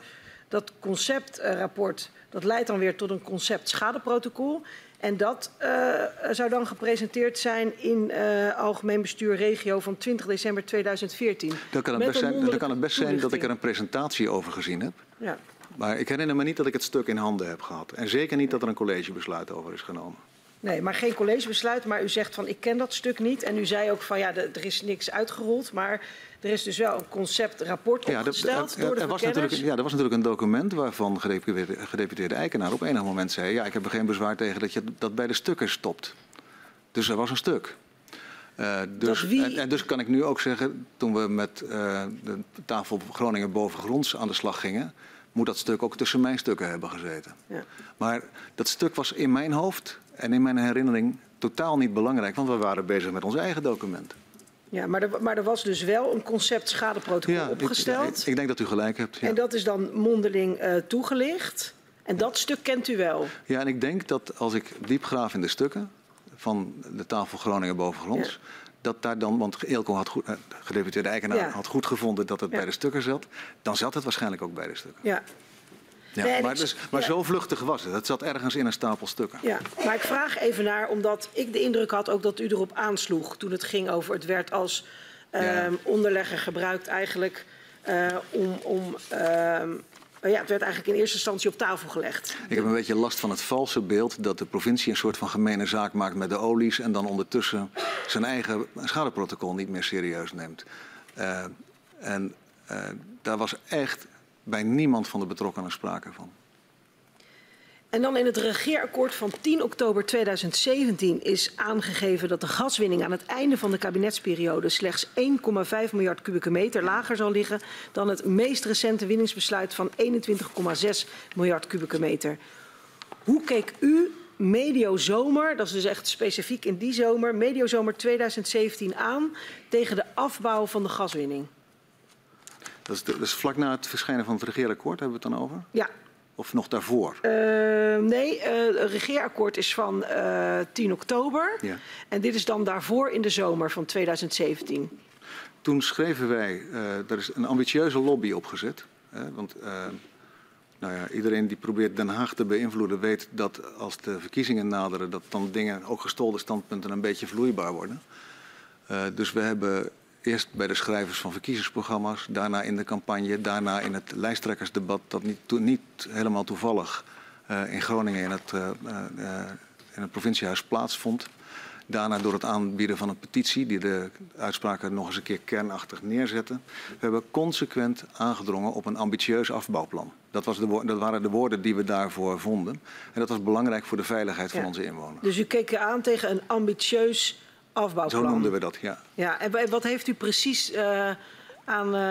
eh, want, want u heeft ook een pleidooi richting de heer Rutte gedaan. Wat was uw pleidooi? Dat. Dat de gaswinning vanwege de veiligheid substantieel naar beneden moest. Ja, maar niet, maar niet stoppen, zeg maar. Nee, gek genoeg ging er toen nog niemand van uit dat het überhaupt tot de mogelijkheden behoorde. Eh, eh, Tot het moment dat, het, dat er ineens een besluit lag van het kabinet, maar dat was iets verderop in de tijd, ging iedereen ervan uit, ook in Groningen, dat gaswinning op enig niveau, dat dat een constante zou zijn. Er, zou altijd wel gas gewonnen blijven worden. En dan waren er discussies over wat een veilig niveau van winning was. Het college waar ik, eh, dat gevormd was van GS, dat gevormd was in 2015, waar ik in 2016 bij aanschoof, had in zijn collegeprogramma staan eh 12 miljard kub. En dat was eh, eh, omdat eh, de heer De Jong van het SODM eh, dat als een veilig getal had genoemd. Geleidelijk aan leerden we dat je maar beter geen harde uitspraken kon doen over het precieze niveau van winning. En toen vervingen we dat door een ambitieus afbouwplan. Dus we wilden zien dat het substantieel naar beneden ging. Dus dan kunt u raden wat wij vonden van de getallen die in het regeerakkoord stonden. Ja. En dan een half jaar later, 29 maart 2018, dan kondigt minister Wiebes aan dat de gaskraan helemaal dicht eh, Ja. zal gaan. Hoe heeft u voordat dit besluit genomen werd contact gehad met de heer Wiebes? Hij belde me van tevoren en, en ik was stom verbaasd. Ehm, we lobbyden dus voor een regeerakkoord en werden toen getrakteerd op, nou, dat kan ten opzichte van een niveau van 24 miljard kuub, kunnen er wel 3 miljard af, waarvan de helft voor vlakke winning. Dus dat leverde hier dan eigenlijk weer in. En een halfjaartje later belt de minister en zegt: Ik ga morgen in het kabinet voorstellen en ik denk ook dat het kabinet daarmee gaat instemmen. Eh, om de winning zo snel mogelijk helemaal te stoppen. Dat zag ik niet aankomen. Hij was aan het broeden op een nieuw gasbesluit. En ik, als ik daarover fantaseerde, dat deed ik ook wel hardop met anderen. Dan dacht ik, dan dachten wij, nou het zal wel met veel gekreun en te langzaam in de buurt van de 12 gaan uitkomen. Ja. Maar, en, Omdat het een hoe- soort mythisch getal was. Ja, wat, wat kunt u even eh, ons meenemen naar hoe dat ging eh, met minister Wiebes? Want ik kom tegen dat, dat in een planning eh, die binnen het ministerie van EZK tot voorbereiding op het besluit circuleert. Dat is opgenomen dat er met verschillende mensen moet worden gebeld. En daarin staat dat er twee keer contact met u moet worden opgenomen. Eén keer de dag het besluit en één keer gelijk na het besluit. Heeft, is, bent u dan bijvoorbeeld twee keer door de heer Wiebes gebeld? Of bent u misschien wel drie keer gebeld, twee keer voor het besluit? En één keer we gaan naar 12, één keer we gaan naar 0 en dan Nee. daarna nog een keer. Kunt u mij schetsen hoe, of dat, wat, wat er uiteindelijk eh, met, met dat draaiboek is gebeurd? de dag waarop het besluit, besluit bekend werd, was een waanzinnige dag. Onze medewerkers stonden het Groninger Volkslied te, zingen, te zingen in het atrium. ik kan me niet herinneren dat het, da- dat, dat het daarna nog iemand met mij gebeld heeft, maar het zou best kunnen. Maar, maar minister Wiebes heeft u dus gebeld. Eerst, Daarvoor. van tevoren. Ik had de dag daarvoor een diner en eh, daar werd ik uitgebeld door de minister. Soms loop je even weg bij een diner. En ik ben niet meer teruggekeerd. Want eh, hij vertelde me iets dat voor mij zo schokkend en verbazend nieuws was. En dat was niet de 12, dat was de 0. Het was de, week, het was de week van Goede Vrijdag. Het kabinet vergaderde op de donderdag. En bracht het ook op de donderdag naar buiten. En op woensdagavond was het diner en toen ben ik gebeld. Ja. En, ehm, eh, want we hadden het eerst nog even over eh, in de zomer. Ja, was u voor een flinke afbouw, Ja. maar niet voor nul. Eh, was u ook niet gediend van nul? Of was het gewoon, het was nog niet als een optie werd het gezien? Het kwam niet in ons op om dat Nee. te vragen. Je moet er altijd rekening mee houden dat wat je bestelt, dat het ook nog ergens kan landen. En nul, daar had niemand het over. Niet het SODM. Ik denk ook, nee, als we, als we, met we liepen met spandoeken en fakkels door de stad en riepen dan gas terug. Maar niet stop de gaswinning. Eh, En hij dit- belt woensdagavond, u bent niet meer teruggekeerd naar het diner. Wat deed u toen? Toen heb ik, eh, hoewel dat niet mocht van de minister, toch een paar anderen gebeld. Want hij zei, dat mag je nog niet vertellen, want dat is morgen in de ministerraad. Ja, dat is ook informatie die je niet helemaal voor jezelf kunt houden. En, en waarom vond u dat? Dat dat informatie is die u niet voor uzelf kunt houden? Eh, ik werd gebeld omdat ik in, op dat moment de voorzitter ben van ehm, de Groninger bestuurders. En dan is het ook logisch dat je eh, je informatie met een paar mensen deelt.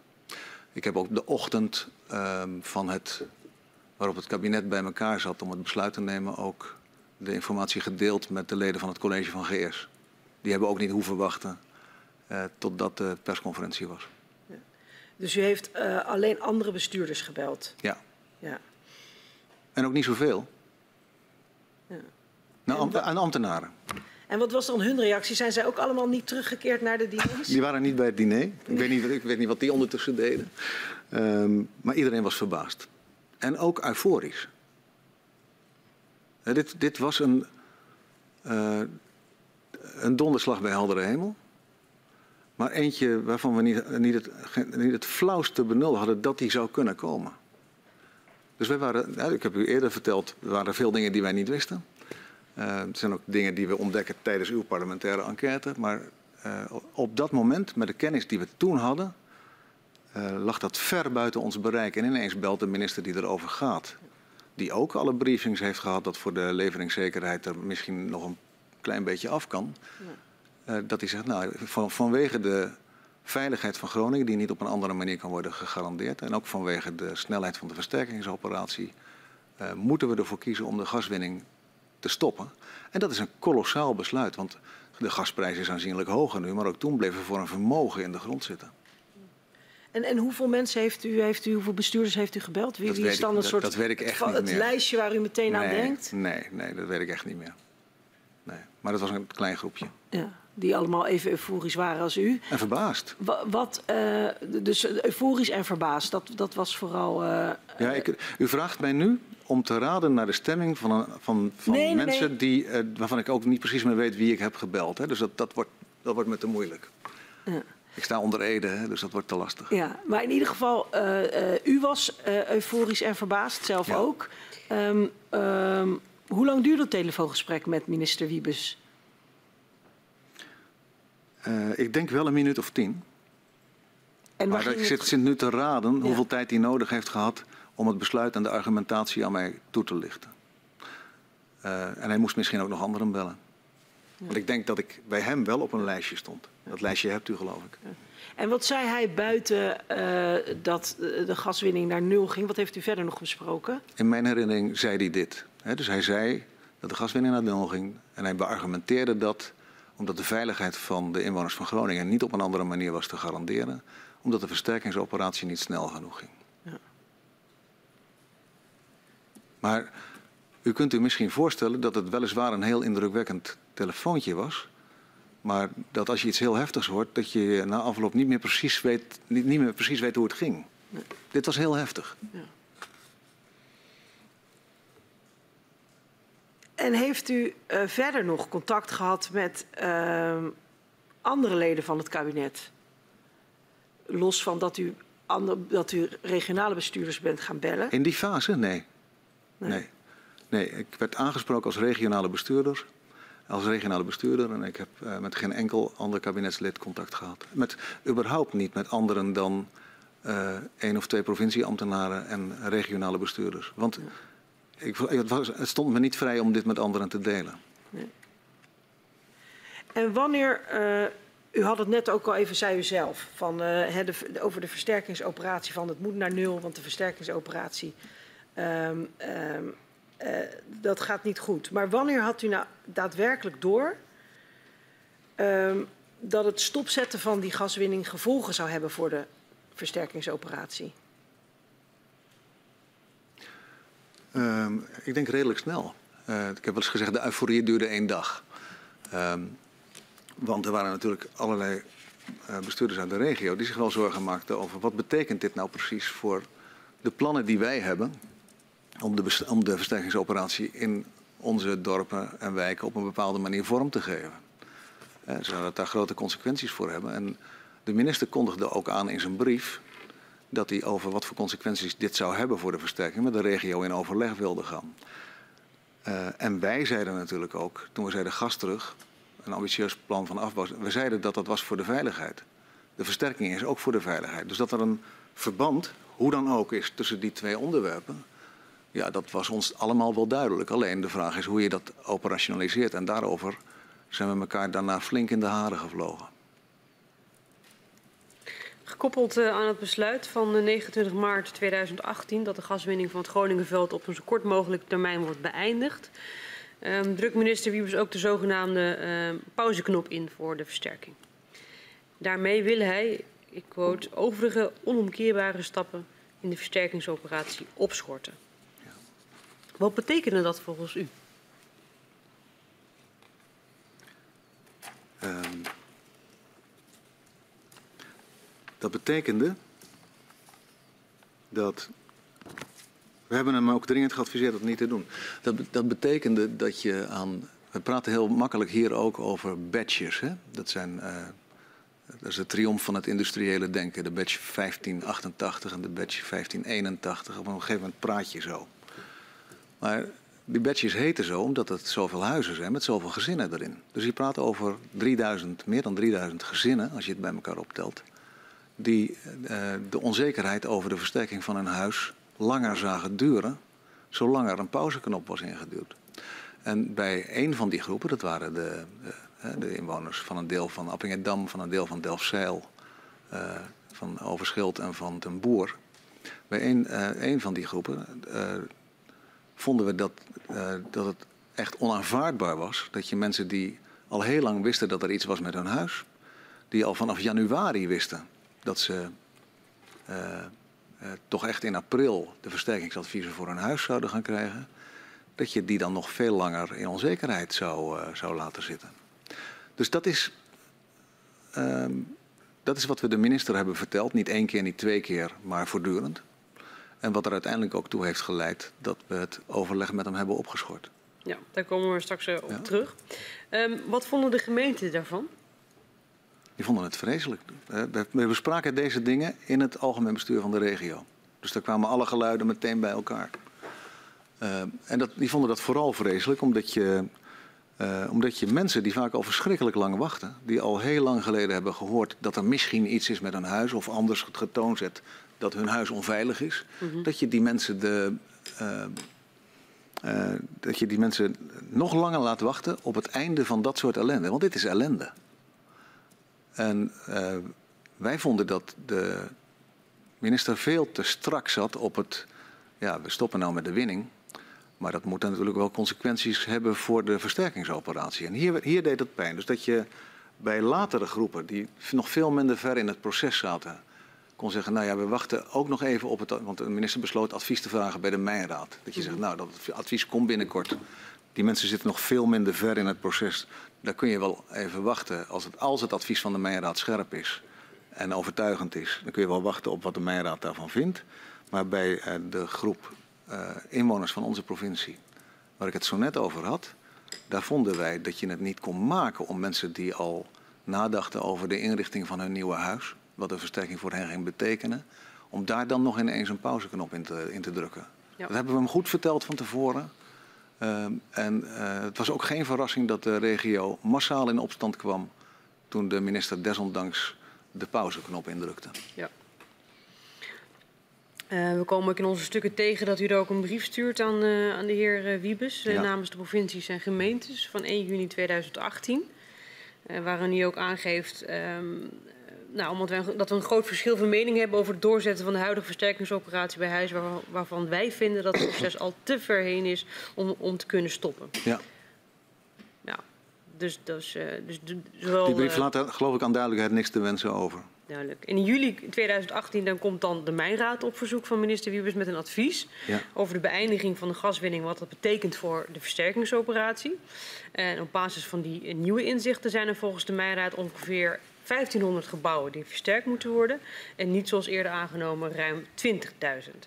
Uh, maar de Mijnraad die schrijft ook, ik citeer, gedane toezeggingen niet eenzijdig kunnen worden uh, opgezegd. Gewekte verwachtingen kunnen evenmin worden genegeerd. Ja. In hoeverre heeft de minister het advies om gewekte verwachtingen niet te negeren opgevolgd? Ja, wij vonden heel duidelijk dat bij deze huizen dat de minister veel te ver ging in het uh, zelfs maar aanraken van de pauzeknop. Dus hier moest je duidelijkheid scheppen aan mensen die door wilden met hun leven, dat ze door konden met hun leven. En de effecten waren ook gigantisch.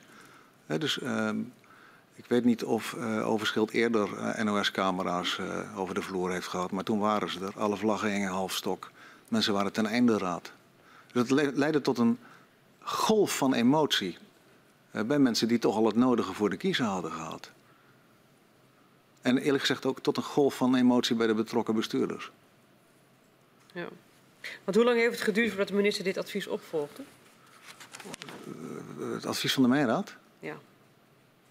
Nou, dat is eigenlijk nooit letterlijk zo opgevolgd. Er kwamen 1500 huizen, waarvan de voorzitter van de Mijnraad in de presentatie zei: Wij weten precies welke huizen het zijn. Wow, dat is knap. En um, vrij snel daarna bleek dat dat dat natuurlijk niet zo was. Mevrouw Wouters zat hier. Die vertelde een anekdote die ik eigenlijk vergeten was.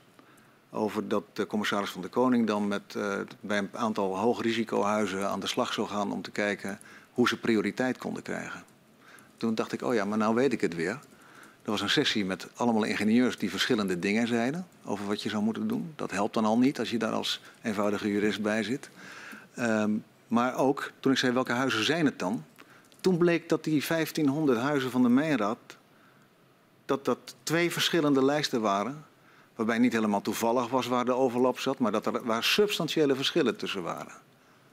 Ik heb op latere momenten ook nog wel eens een keer gevraagd om, doe me dan de lijst. Dat stuit eerst op privacybezwaren. Maar als je daar dan doorheen bent, dan blijkt heel vaak dat er van alles aan de hand is met zo'n lijst. Dus er wordt heel makkelijk gezegd, wij kennen op, op gebouwniveau en op mhm. adresniveau, we weten precies waar het over gaat. Nou, en uh, gedeputeerde Eikenaar had sneller dan ik door waar die 1500 huizen vandaan kwamen. Dat was de HRA, de heer Quint, die vertelt dan altijd wat het betekent. Hè? De, Hazard and Risk Analysis, Analysis is het. Uh, van, de, van de NAM. Uh, en Eikenaar wist ook haarfijn aan het college uit te leggen dat er redenen waren om die Hazard and Risk Analysis niet te vertrouwen als instrument om te zeggen, dan is de rest van de huizen kennelijk veilig. Want zo werkte dat bij de Mijnraad. Hè? Dus je hebt, deze zijn nodig voor de veiligheid. Oké, daar zijn nog wat verwachtingen gewekt, die moet je er misschien aan toevoegen. Maar dan is de rest veilig. Daarvoor deugt het niet. Het is een statistisch model op basis van seismische dreiging en de grondsoort en het gebouwtype. En de, nou, voor dat model is er nooit iemand in een huis geweest kijken wat er ondertussen is gebeurd. Dus er is vaak geen alternatief. Dit was een grote, snelle, slordige klap. En we zitten ook inmiddels met 27.000 huizen waarvan moet worden bekeken of ja. ze. Dat is een ander getal dan 1500. 1500. Dus in mijn waarneming is het advies van de Meijerraad nooit in die zin opgevolgd. En terecht. Daar heeft hij ook het een en ander over verklaard.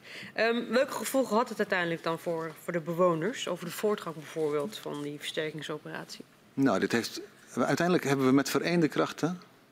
Daar heb ik nare, daar heb ik een nare smaak van in de mond. Maar met vereende krachten hebben we de 1588. dus deze vier groepen bewoners, die hebben we, uh, die hebben we gefinancierd gekregen. Hoe ging dat? Nou, het Rijk deed nog wat, de woningcorporaties deden nog wat... Uh, de provincie zelf deed nog wat. Legde er gewoon geld bij, omdat je het anders niet kon maken. En ook uit het Nationaal Programma Groningen, dat daar echt niet voor bedoeld was. Dat was voor perspectief voor de provincie. Hebben we toch maar wat geld gehaald om de 1588 mogelijk, mogelijk te maken. He, dus de, de mensen die daar woonden het perspectief te geven van een versterkt huis. Ook al zeiden de deskundigen dat dat misschien niet nodig was. Ja.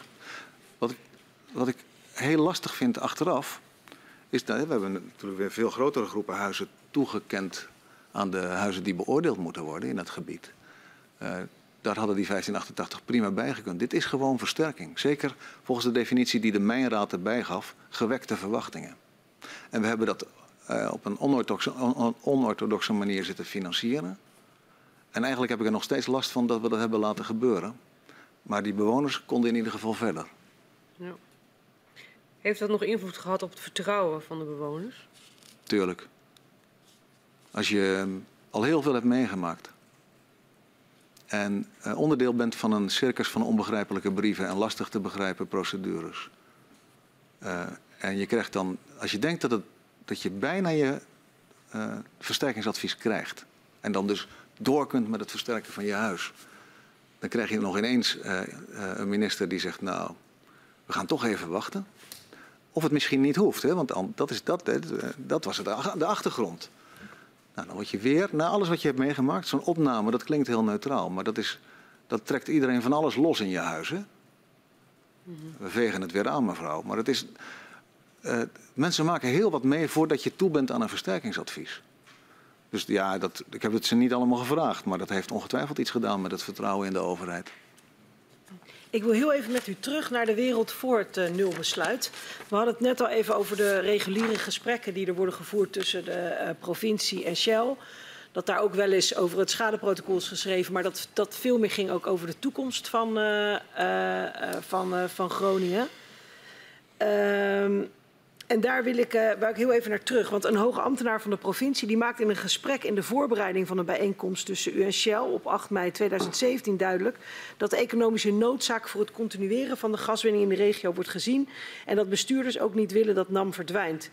En op de opmerking van Shell ik uh, citeer even, dat het zou helpen als lokale bestuurders zich daar dan ook eens publiek voor zouden uitspreken, werd geantwoord dat dit, en dan citeer ik weer, in het huidige klimaat heel moeilijk is uh, eh, CQ dat bestuurders dit niet durven. Ik denk dat we uh, net al wel voldoende hebben besproken over die continuering van de gaswinning. Uh, en dat nog niemand aan een nulbesluit durfde te denken. Maar waarom in die tijd zouden bestuurders zich hierover niet publiekelijk durven te uiten? Welke, welk jaartal zit erbij? Dit is mei 2017. Ja, u leest voor uit een annotatie die ik mee heb gekregen. Ik negeer ook wel eens annotaties. Hè? Dus ja. dan praat je toch over de dingen die je wilt hebben. Uh, maar ik uh, kan me heel goed voorstellen dat, dat de schrijver van dat stuk, ik weet niet wie het was, uh, dat die heeft gezegd, dat hij heeft willen meegeven dat het, dat het ook wel gevoelig is. Als zoveel mensen last hebben van de gaswinning, om daar iets positiefs over te zeggen.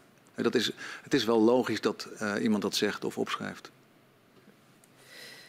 De heer Eikenaar, uh, oud-gedeputeerde, tegenwoordig wethouder in Groningen, uh, die geeft in zijn verhoor aan uh, dat hij de NAM nog liever vandaag dan morgen ziet vertrekken. En dat de inhoud van die uitspraak niet aan hem is voorgelegd. Het ging niet over mij. In hoeverre sprak uw ambtenaar namens alle provinciale Groningse bestuurders uh, op dat moment? Nee, wacht even. Er is een annotatie waarin een ambtenaar iets heeft gezegd over iets dat hij heeft meegemaakt dan moet me even helpen even, wat het karakter uh, van de eh, annotatie is. Het karakter is. Van, uh, van de notitie precies even met u, uh, met u doornemen. Ehm, dan moet ik ook weer even terug in mijn, in mijn administratie. Ehm, het is een gesprek in de voorbereiding van een bijeenkomst. Dus u heeft dat gesprek. Er is een ambtenaar die een gesprek heeft met kennelijk iemand van Shell. Nee, u heeft dat gesprek. ehm, op 8 mei ehm, 2017. Ja? Eh, en u ehm, eh, heeft, heeft een voorbereidend gesprek daarover. En u spreekt uit van dat de economische noodzaak van het continueren van de gaswinning wordt gezien. Eh, dat bestuur, dat is de, de, de, de, de- het, ja, ehm, de mening van de provincie op dat moment, of het standpunt van de provincie. Dat bestuurders ook niet willen dat NAM verdwijnt.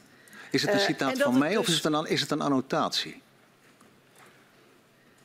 Ehm, de, ehm, de, eh, het is een voorbereiding die u krijgt van een ambtenaar. Ja, maar mijn werk ziet er niet zo uit dat ik alle teksten van ambtenaren van A tot Z voorlees. Hè? Ja. Nee, nee, nee, nee, nee. Maar ik neem wel aan dat als eh, zulke eh, nou ja, ferme uitspraken erin staan over het niet willen verdwijnen van NAM, dat de economische waarde wordt gezien, maar dat het moeilijk is voor bestuurders om zich daarover te uiten, dat dat niet uit de lucht komt vallen. Dat nee, dat maar dat is iets mij, het is mij kennelijk meegegeven. Ik herinner me dat niet, maar het is slechts een annotatie. Ja. Maar voelde En- u dat zo? Of, of heeft u eigenlijk zoiets van, nou, dat, dat is een mooie... Ik, ik wil wel iets, Ja. ik wil wel iets zeggen eh, over hoe dat, hoe, dat, hoe dat zat met de, eh, met de aanwezigheid van NAM in de regio. Ehm, er zijn ook mensen die er gewoon boterhammen van eten. Ja. Toeleveranciers, broodjes, Ja. eh, aannemers, mensen die in dienst zijn van, eh, van NAM, die daar werken. Ehm, en we hebben ook becijferd dat het gaat over tienduizenden banen op het moment dat, de, dat een NAM totaal stopt met, eh, met alle activiteiten. Nee, en ik heb inmiddels trouwens ook mijn administratie op orde. Excuses, voor mij ook even zoeken. U heeft dat ook zelf herhaald in een gesprek met Shell. Zou kunnen, maar eh, eh, de context is denk ik deze: dat eh, economische activiteit in een regio die altijd. De provincie Groningen is de lijstaanvoerder in de werkloosheidsstatistieken. Dus dat betekent dat er ook heel veel mensen in Groningen ehm, niet collega's hebben die op ze rekenen en aanzienlijk minder middelen hebben om de eindjes aan elkaar te knopen. Dat is, eh, dat is eh, het andere grote probleem dat heel hardnekkig is in Groningen. Dus dat, als, er dan een, eh, als er dan een bedrijf vertrekt, omdat het zijn activiteiten staakt, en er daardoor allerlei ook hoogwaardige werkgelegenheid vertrekt uit Groningen, dan is dat in economisch opzicht bepaald geen impuls. Dan is dat, hè, dan is dat een probleem. We hebben eh, forse, forse Europese trekkingsrechten gekregen op het Just Transition Fund, eh, omdat de beschrijving, je moet van fossiel naar duurzame energie. En het afbouwen van fossiel gaat gepaard met groot verlies aan werkgelegenheid in een kwetsbare regio. Dat is het portret van Groningen. Dus dat, dat ik daarop reflecteer in een gesprek met Shell, dat snap ik heel goed.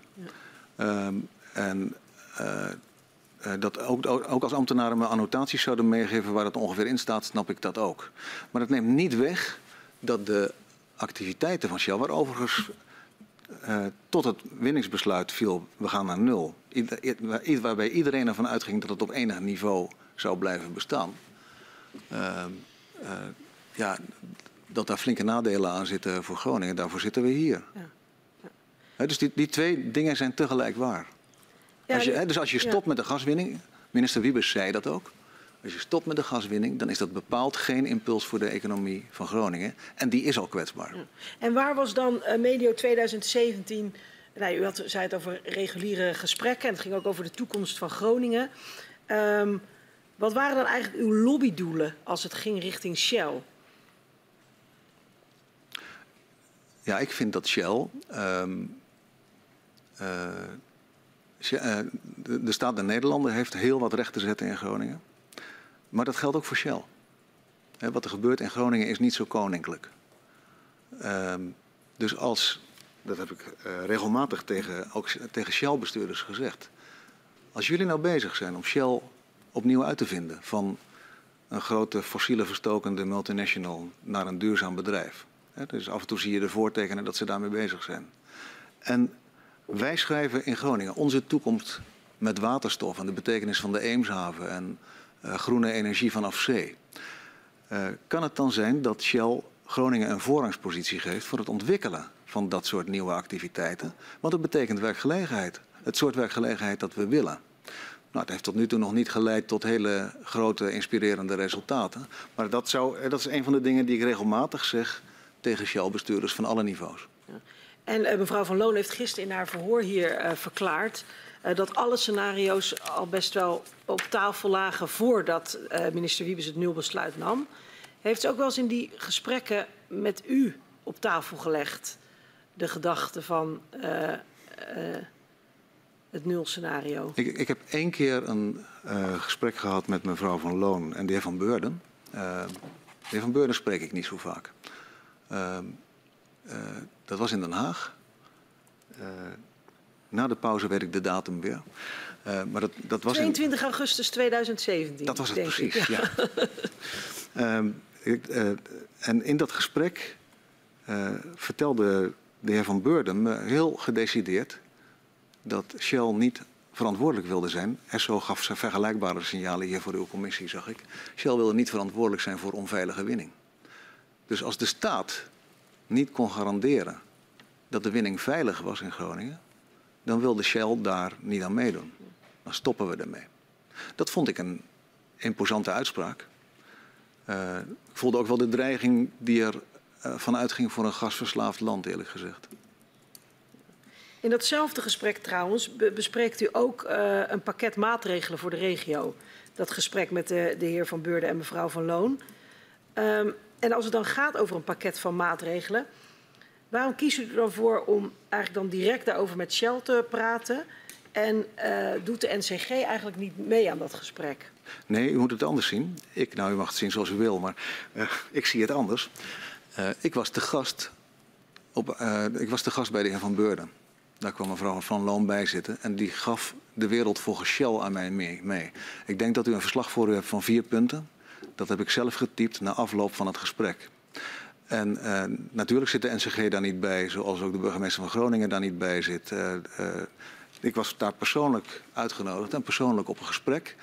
En omdat ik het een belangrijk gesprek vond en ook belangwekkend vond wat, wat mij daar werd verteld, heb ik het netjes uitgetypt en vervolgens de, doorgemaild naar onze organisatie. En zo komt het dat u het nu hebt. Ja. En, ik, ja, en uiteindelijk uh, uh, u zegt van ik heb daar iets opgetypt, maar ligt er dan een, een totaalpakket van bijna een miljard euro voor de regio voor uh, de komende vijf jaar. Uh, bovenop de uitgaven in het kader van de wettelijke aansprakelijkheid. Waarom kwam dat totaalpakket er uiteindelijk? Dit is een ander verhaal. Hè? Ja. In mijn hoofd is dit een ander verhaal. Ja. Dit gaat maar u over... heeft wel daarover in dat gesprek gesproken en toen uiteindelijk zijn die gesprekken doorgegaan. Ja, maar voor mij is, het, is het nationaal programma niet het gevolg van dit gesprek met de heer Van Beurden. Nee. He, dat, uh, voor mij is het nationaal programma uh, iets wat al heel lang speelt. Ook al ver voor mijn komst werd er gespraat, gepraat over de toekomst van Groningen. Want je bent er niet als je de schade herstelt. Je bent er niet als je huizen hebt versterkt. Al moeten veel mensen daar nog heel lang op, op wachten. Uh, dat is allemaal geen compensatie. Als er een deel van het land in toenemende mate last heeft van de enorme welvaart uh, die Nederland heeft gekregen door de gaswinning. Dan is het rechtvaardig dat je ook iets doet om de toekomst van dat deel van het land te garanderen. En in die context is, uh, uh, nou, is er natuurlijk ook flink gelobbyd, maar uh, het rapport van de commissie Meijer, ver voor mijn komst, het ging daar al over. Het meerjarenplan van de Nationaal Coördinator ging daar al over. Dus het ging altijd ook over toekomstperspectief. En dat is uiteindelijk geland in een akkoord met het Rijk over een gezamenlijk project, een nationaal programma. Het Nationaal Programma Groningen. En daar werd een voeding van 1,15 miljard aan toegevoegd. We zijn uh, ongeveer anderhalf uur bezig. Lijkt me een goed moment om even te pauzeren. Ik verzoek de griffier om u en de heer Ten Wolde even naar buiten te geleiden.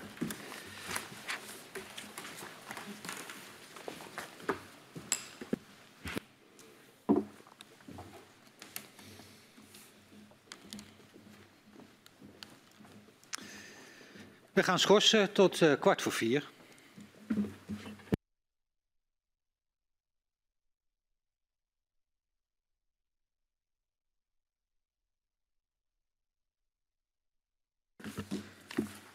Ik heropen de vergadering van de parlementaire enquêtecommissie aardgaswinning Groningen. Aan de orde is het vervolg van het verhoor met de heer Paas.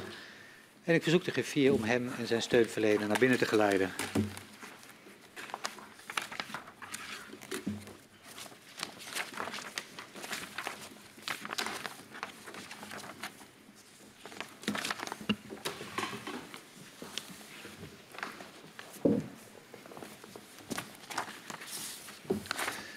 Gaan weer verder en ik geef het woord aan mevrouw Kat.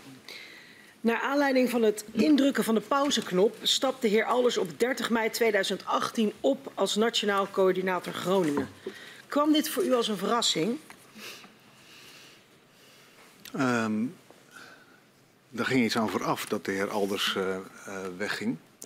Namelijk een zogeheten escalatieoverleg uh, bij het ministerie van, van EZ.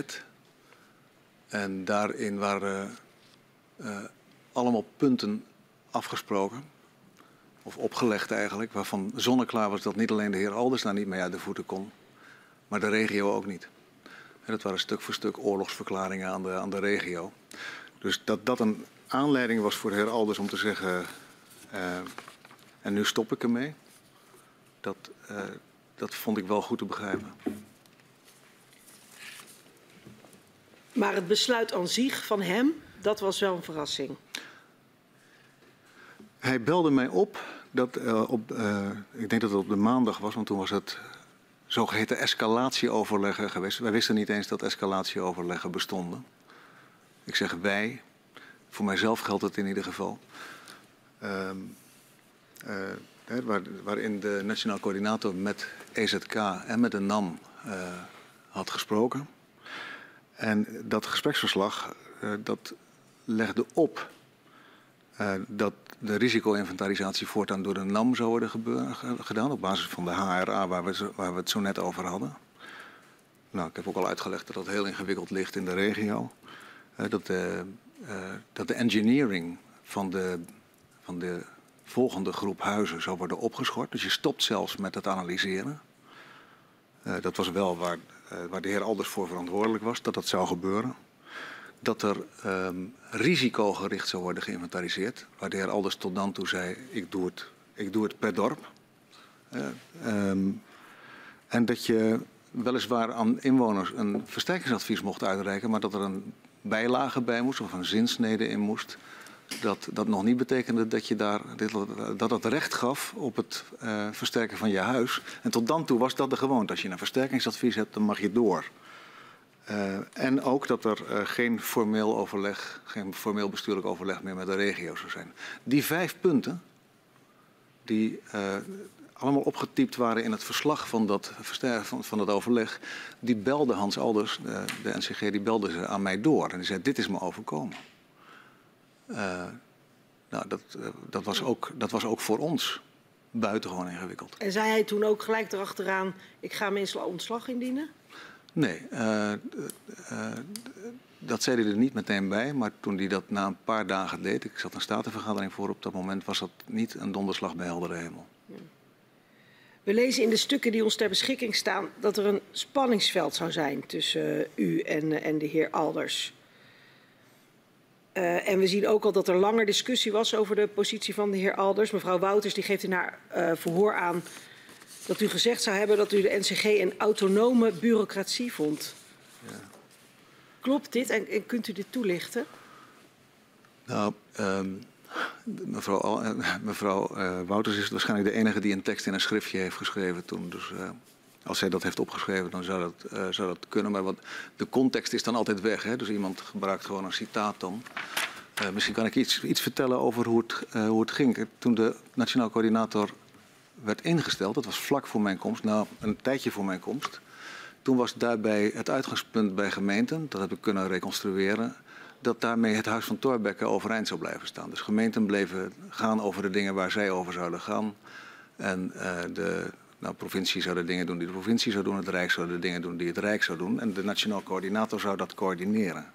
En geleidelijk aan ontstond er discussie, die heb ik ook zelf wel met de heer Alders gevoerd over de vraag uh, hoeveel doorzettingsmacht de Nationaal Coördinator eigenlijk zou moeten hebben. Ook doorzettingsmacht ten opzichte van gemeenten. Uh, nou, daar waren gemeenten in de regio niet gek op. En dat hebben ze, maar ik ook, de heer Alders wel verteld. Gemeenten hadden meer de voorkeur voor iets wat je gezamenlijk zou besturen. Het Rijk, de provincie en de gemeente. Um, en dat een, een goede, stevige, gekwalificeerde uitvoeringsorganisatie zou zijn. Ja. Want er moest heel veel worden uitgevoerd wat boven de macht van gemeenten was. Daar hadden ze dus behoefte aan. Nou, uh, de heer Alders heeft ook bij mij wel aangegeven dat hij uit was op iets anders. Namelijk een speciale wet waarin hij een zelfstandig bestuursorgaan zou. Dat is een ander soort formule. Maar je zou ook kunnen bedenken als, iemand, als, als een, een krachtige NCG met doorzettingsmacht, een Ja. zak geld, die namens iedereen kan optreden. Ja. Nou, Eh, voor- eh, oh, dus een beetje een à la crisis aanpakt en, en iedereen gaat erachter staan dat je dan een heel eind komt. Maar Ja. u zegt zelf van, ja, ik was eigenlijk van mening dat het huis van Thorbecke in stand moest blijven. Waarom was dat voor u zo Ik belangrijk? zeg bewust wij. ja, Want wij, toen de, heer- toen, excuses, toen de wij, nationaal coördinator aantrad, toen was ik nog geen onderdeel van wij. nee. Het, het, het beeld in de regio eh, was dat de nationaal coördinator zou coördineren en gemeenten zou helpen met de uitvoering. En naarmate de vraag over de toekomstige vormgeving ehm, eh, scherper werd, want eh, we begonnen natuurlijk gewoon met z'n allen ergens aan dat, eh, dat op dat moment nog niet zo heel scherp bepaald was. Naarmate dat scherper werd en er ook ondertussen toenemende ontevredenheid ontstond over de, over de uitvoering. Ik heb u zo net iets verteld over wat we meemaakten op het gebied van het schadeprotocol. En u kunt zich voorstellen dat ook dat de frustraties weer wat groter heeft gemaakt. En dat De belangstelling, dus- de belangstelling bij, bij gemeenten en bij de provincie voor een zelfstandig bestuursorgaan dat over ons en zonder ons beslissingen zou nemen, die was niet zo groot. En eh, dat, dat was eigenlijk eh, wat ik ook net aan u vroeg. Van, van die spanningen tussen u en de heer Alders. Gingen die hierover? Over eh, hoe hij zijn werk moet doen of over hoe hij zijn werk deed? De spanning. Eh, er was in, de, in, de, in de regio was, waren dus concrete aanleidingen waarom, eh, ze, eh, waarom bestuurders uit de regio niet altijd tevreden waren over wat, wat, wat, er, wat er nou bereikt werd onder de leiding van, of de coördinatie van een nationaal coördinator. En er was een verschil van inzicht over de toekomstige juridische vormgeving van de nationaal coördinator. Dus de nationaal coördinator maakte er nooit een geheim van dat hij een zelfstandig bestuursorgaan wilde worden. De regio maakte er ook geen geheim van dat ze dat niet zagen zitten. En ik heb ook wel eens on- onder vier ogen met de heer Alders besproken. ehm, maar zou je dan de sterke directeur van een uitvoeringsorganisatie onder het bestuur van gemeenten en rijk en provincie willen zijn? En toen zei hij tegen mij, daar moet je mij niet voor hebben, daar ben ik veel te bestuurlijk voor. Ja. Dat begreep ik ook wel. Dus concreet zei u van in ieder geval was er spanning op het moment, maar daar wond niemand doekjes om. Eh, eh, eigenlijk het mandaat of, of, of de manier van hoe, hoe iemand Ja. zijn positie invult. Maar er was ook spanning over het resultaat. Kunt u over dat stukje van wat er, wat er daadwerkelijk aan resultaat werd behaald, kunt u daar wat concrete voorbeelden van noemen? Nou, dat brengt ons vandaag nog bij elkaar. Hoe succesvol is de versterkingsoperatie tot de dag van vandaag? Eh, en eh, wat, we hadden, wat hadden meegemaakt met het schadeprotocol, waarbij de spelers uit de regio, maatschappelijke organisaties en overheden samen zeiden: dit is hoe we het graag willen zien. We willen niet alleen de NAM uit het systeem, maar we willen eh, een overheid die de schadevergoeding ook een stuk menselijker aanpakt. Omdat mensen daar behoefte aan hebben. En daarbij was natuurlijk de ervaring dat we daarbij bij- de Nationaal Coördinator ook niet zoveel verder kwamen. En dat, ik noemde het zo net de Bermuda-driehoek tussen, de, tussen EZK, en, of tussen EZ toen nog en de NAM. eh, nee, EZK was het dan inmiddels geworden. eh, en, en de NAM en de Nationaal Coördinator. De Nationaal Coördinator nam heel veel dingen mee. Dan gebeurden er dingen buiten ons zicht. En eh, in veel gevallen strandde het dan. En, en dat had ermee te maken, dat had, ik snap wel dat hij behoefte had aan doorzettingsmacht. Die zat op iets anders. Namelijk dat je de hele tijd bij de NAM of de staat, ik weet het niet precies, langs moest. eh, voor het krijgen van de laatste euro's voor het laatste project. Dus Had had- u daar zicht op, zijn betrokkenheid bij belangrijke besluiten? Eh, ik weet wat hij, eh, wat hij allemaal besprak met de bestuurlijke stuurgroep. Nou, waar ik niet een onderdeel van was, maar die, de, de dingen daaruit kwamen wel op de collegetafel. Wij stemden ook op het niveau van de Staten zelfs in met het meerjarenplan. Dus daar, daar, werden ook hè, daar werden besluiten over genomen. Ehm, maar de kerntaak, hoeveel huizen zijn er nou versterkt? Eh, hoeveel mensen hebben nou, hoeven nou niet meer te wachten op de handel- afhandeling van hun schade? Dat, is toch wat je, dat zijn de verhalen die je tegenkomt als je praat met mensen die schade hebben of die, die aan het wachten zijn. En mensen waren aan het wachten moe, massaal. Hoe wilde u dan de zeggenschap over de schade en versterking vormgeven? Uh, in de regio hadden we een helder beeld dat we niet hebben gerealiseerd. Uh, waarin we zeiden er komt een uitvoeringsorganisatie die valt onder een gemeenschappelijk bestuur. Of je er nou een speciale wet voor moet maken of je maakt er een variant van de gemeenschappelijke regeling van, dat maakt ons niet zoveel uit. Maar die valt onder een gemeenschappelijk bestuur van Rijk, provincie en gemeenten. Uh, en dat is een uitvoeringsorganisatie. Want dat is waar we, dus niet beleidsmakers, we hebben het meeste behoefte aan hele competente uitvoerders die die vaak kleine gemeenten moeten bijstaan bij een reusachtige stads- en dorpsvernieuwingsoperatie. Dus dat was waar we op uit waren, waar in de regio ook consensus over bestond. Maar het was ook geen geheim dat de heer Alders dat graag anders zag. Ja. En wat vond u dan, uh, dus uiteindelijk kon u zich daar helemaal in vinden? Dat er uiteindelijk die NCG is gekomen, een uitvoeringsorganisatie die eigenlijk twee opdrachtgevers heeft, het ministerie van EZK en de gemeente. Is dat uiteindelijk nou, ook Nee, wat er is gekomen is niet. We, we hebben een akkoord gesloten uh, en er dus een handtekening onder gezet. Al zet je nooit fysiek een handtekening. Maar we hebben, uh, we hebben, dat, uh, we hebben daarmee ingestemd. Maar het was second best. Wat ik zo net beschreef was ons ja. ideaalbeeld. Ja, dat, daar en, bent u voor gegaan. En wat het is geworden, omdat de staat zei: wij willen, het, wij willen graag eigenaar blijven van de Nationaal Coördinator. Um, dan kopen we de potloden en de pennen en doen we de huisvesting. En, um, he, dus het, het, het gaat echt over het eigenaarschap van de organisatie, personeelsbeleid. Uh, en de gemeenten worden opdrachtgever. Dat zijn bij mijn beste weten de afspraken die we met de staat hebben gemaakt. Er zijn natuurlijk momenten zat geweest dat je merkt dat er ook inhoudelijke sturing plaatsvindt vanuit BZK en later vanuit EZK. En daarvan, he, mijn beeld is dat we hebben afgesproken met de staat dat de nationaal coördinator uh, eigendom is van de staat en ten dienste staat van met name de gemeenten die hun lokale plannen moeten maken. We willen het uh, in meer algemene zin met u hebben over de regionale samenwerking. Um, na het aantreden van minister Wiebes uh, wordt het bestuurlijk overleg uh, geïntensiveerd. Um, provincie en gemeente zitten rechtstreeks aan tafel met het ministerie van Economische Zaken en later ook het ministerie van Binnenlandse Zaken. Het overleg vindt, vindt, vindt zoals mevrouw Wouters in haar verhoor aangaf, niet langer getrapt plaats via de NCG. En dat lukt de regio volgens haar niet om een delegatie af te vaardigen en om een ge gecoördineerd standpunt in te brengen. Ze verklaart uh, dan ook um, in haar verhoor dat rechtstreeks contact willen wij allebei. Probeer dan te regelen dat er een kleine delegatie uit de regio met mij overleg voert. Nou, binnen de kortste keren was duidelijk dat dat hem niet ging lukken. Toen wij startten hadden wij de grootste zaal nodig die er maar was. Ja, dat... Kunt u schetsen hoe, hoe, het volgens u verliep, al deze overleggen? Het valt me tegen dat EZK geen grotere zalen heeft dan waar wij in zaten. Maar we zaten in de blauwe zaal, dat is de nette vergaderzaal op de ministersgang. Um, en uh, ik heb wel eens een gesprekje gehad met Erik Wiebes over dat hij het wel aardig zou vinden als wij een kleinere delegatie zouden hebben. Uh, daar heb ik denk ik op teruggegeven dat ik dat begreep.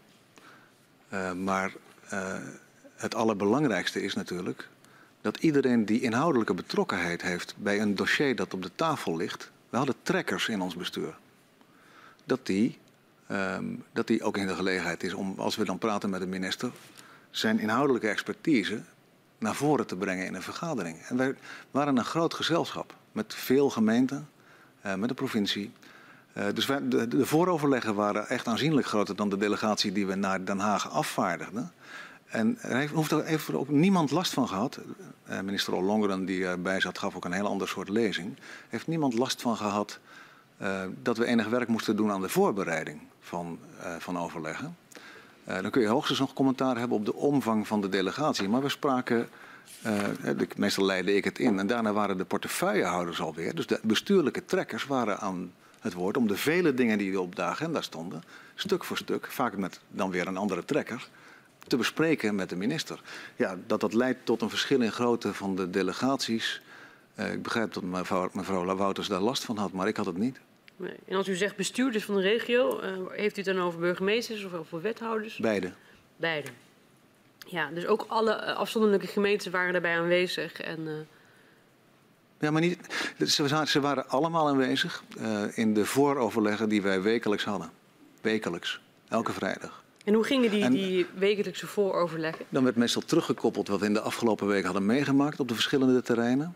Eh, en dan werd er vooruitgekeken naar de overleggen die er de komende week waren en werd er afgesproken hoe we het zouden doen. Ja. En eh, aan eenheid van de regio heeft het op dat punt nooit ontbroken. Ja, want was er dan, waren er dan ook verschillen in standpunt tussen de regio? Dus, Zoals het, dus maar zoals het provincie altijd, en gemeente? Zoals het altijd gaat, is er aan het begin van een overleg wel eens minder overeenstemming over wat je gaat doen dan aan het eind van een overleg. Maar wij zijn nooit aan tafel verschenen bij het Rijk met een verdeeld huis. Nee, dat verdeeldheid Nooit. was er eerder. Je hebt eh, van tevoren een discussie hoe pakken we het aan.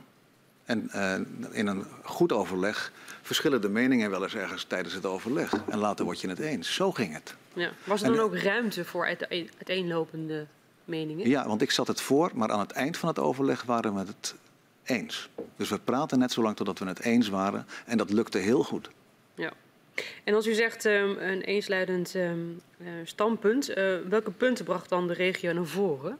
Dat hing, ja, dat hing af van de, van de vele onderwerpen die er op die. De, de, de, tafels Groningen bovengronds gingen over eh, schadeherstel, gingen over versterking, gingen over perspectief, gingen over governance. Eh, en misschien vergeet ik nog een paar categorieën.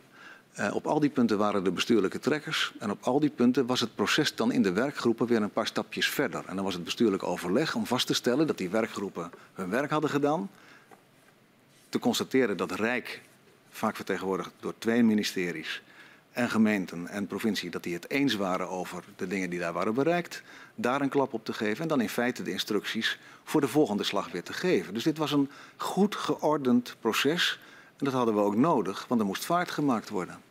Nou, en u zei net, u verklaarde net, ik zat dat voor als voorzitter. Wat was specifiek nog meer uw rol? Ik was, de, ik was in, in Den Haag meestal de delegatieleider. En in Groningen was ik de voorzitter van het voorbereidend overleg. En er waren natuurlijk ambtenaren aan de slag om hun bestuurders bij te praten over wat ze in dat overleg zouden moeten doen. Het ging aan de hand van stukken. Eh, er waren de vergaderstukken van de, van de eerstvolgende editie van het bestuurlijk overleg. Daar werden annotaties bij geschreven. Dus het hele, dit was een groots opgezet bestuurlijk overlegcircuit waar heel veel op de tafel lag en waarin we in betrekkelijk korte tijd in Den, in Den Haag in, een hoge, in een hoge frequentie probeerden van betekenis te zijn voor onze inwoners. Want daar, daar kwam het uiteindelijk op neer. Ja. Zegt u ermee dat u dan ook zeg maar, intermediair was eh, tussen eh, regio, gemeente, maar ook misschien vertegenwoordiger was van de regio? Ik, ja, als ik aan tafel zat in Den Haag was ik niets anders dan vertegenwoordiger van de regio. Maar ik zat eh, vaak in het midden van een groep met allemaal bestuurlijke trekkers. Die zaten tegenover de vertegenwoordigers van de staat. Eh, de nationaal coördinator zat er vaak bij als adviseur. Eh, de maatschappelijke organisaties zaten er soms wel, soms niet bij. En eh, d- ja, dan heb je al snel een blauwe zaal vol, dat kunt u zich voorstellen. Vindt u dat de inbreng van de regio voldoende wordt overgenomen door de ministeries?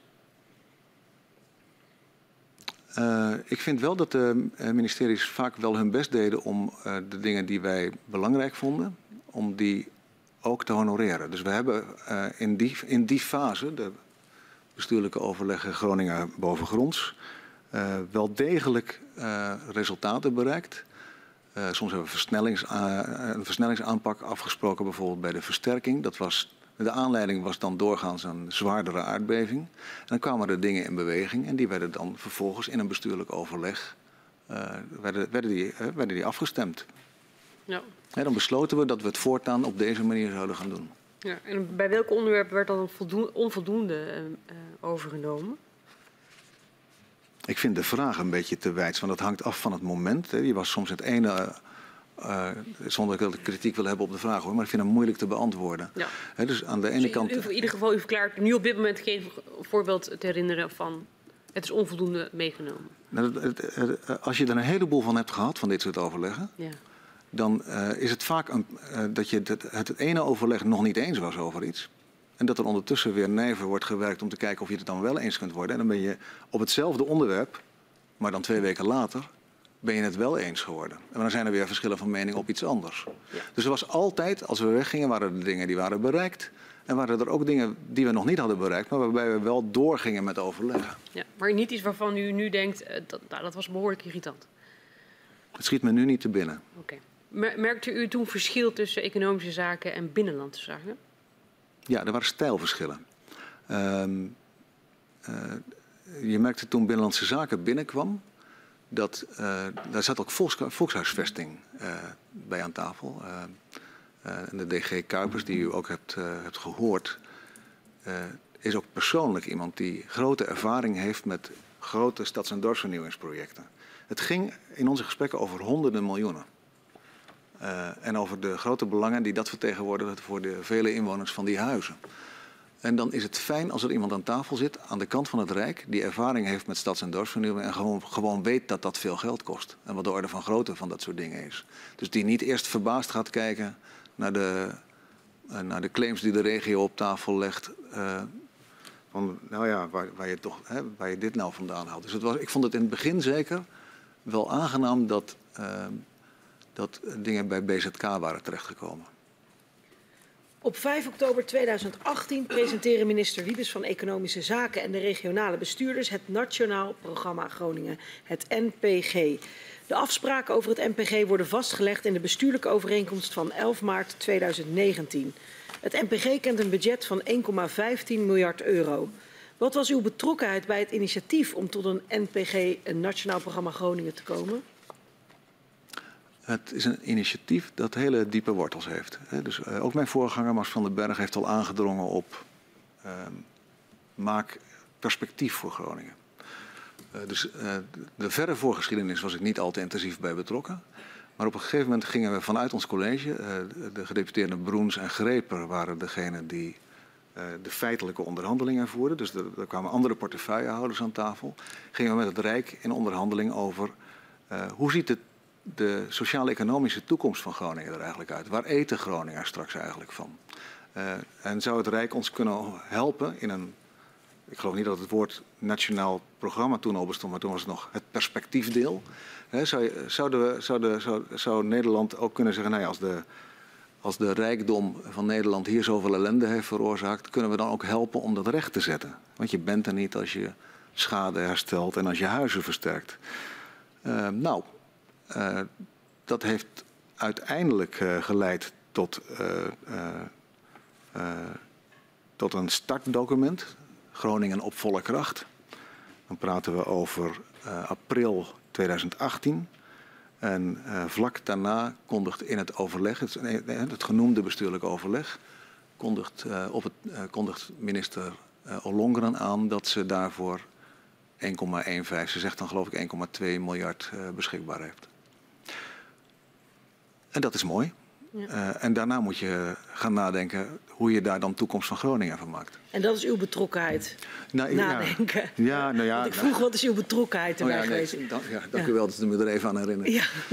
Eh, ik ben op enig moment voorzitter geworden van het Nationaal Programma Groningen. Maar eh, totdat het er was, was ik de voorzitter van het College van Groningen. En was ik de delegatieleider van de Groninger delegatie aan de tafels over, de toekomst, eh, over Groningen bovengronds. Waar eh, het zogeheten perspectiefdeel een onderdeel van was. Dat was mijn betrokkenheid tot dan toe. En dan stond er. in- We zijn, eh, we zijn een, er was een feestelijk moment in Sociëteit De Witte. Waar eh, het halve kabinet aanwezig was. Daarom zaten we ook in Den Haag. eh, om, eh, om, eh, om een convenant mee te ondertekenen over eh, toekomst voor Groningen. Het Ja. Nationaal Programma Groningen. Het, Ja. het, het woord heeft een hele stevige lading. En alle bewindspersonen die daar aan tafel zaten zeiden ook... dit is het startkapitaal. Wij realiseren ons dat Nederland aan Groningen veel verschuldigd is. Dat er heel wat is recht te zetten. Eh, dit is het startkapitaal dat je goed kunt benutten voor de cofinanciering. Want wij zullen vanaf nu de reguliere middelen uit onze begroting ook maximaal, in, maximaal richten naar Groningen. Dus dat was van een betekenis die potentieel veel groter was dan die ruim 1 miljard waar het Nationaal Programma over ging. En daarna. Toch zien we dat, dat niet iedereen tevreden is met het resultaat binnen de provincie. In hoeverre deelde u de mening van gedeputeerde Eikenaar dat er in het Nationaal Programma Groningen onvoldoende aandacht was voor de onveiligheid van de woningen in het aardbevingsgebied? Daar ging het Nationaal Programma Groningen ook niet over. Dat wist de gedeputeerde ook heel goed. Alleen, ehm, eh, we waren, de, de, de, u kunt er Maar misschien is dat dan wel juist de kritiek, Nou, dat het er niet over ging. Zeker. En ik heb natuurlijk in die tijd ook heel veel met de gedeputeerden daarover gesproken.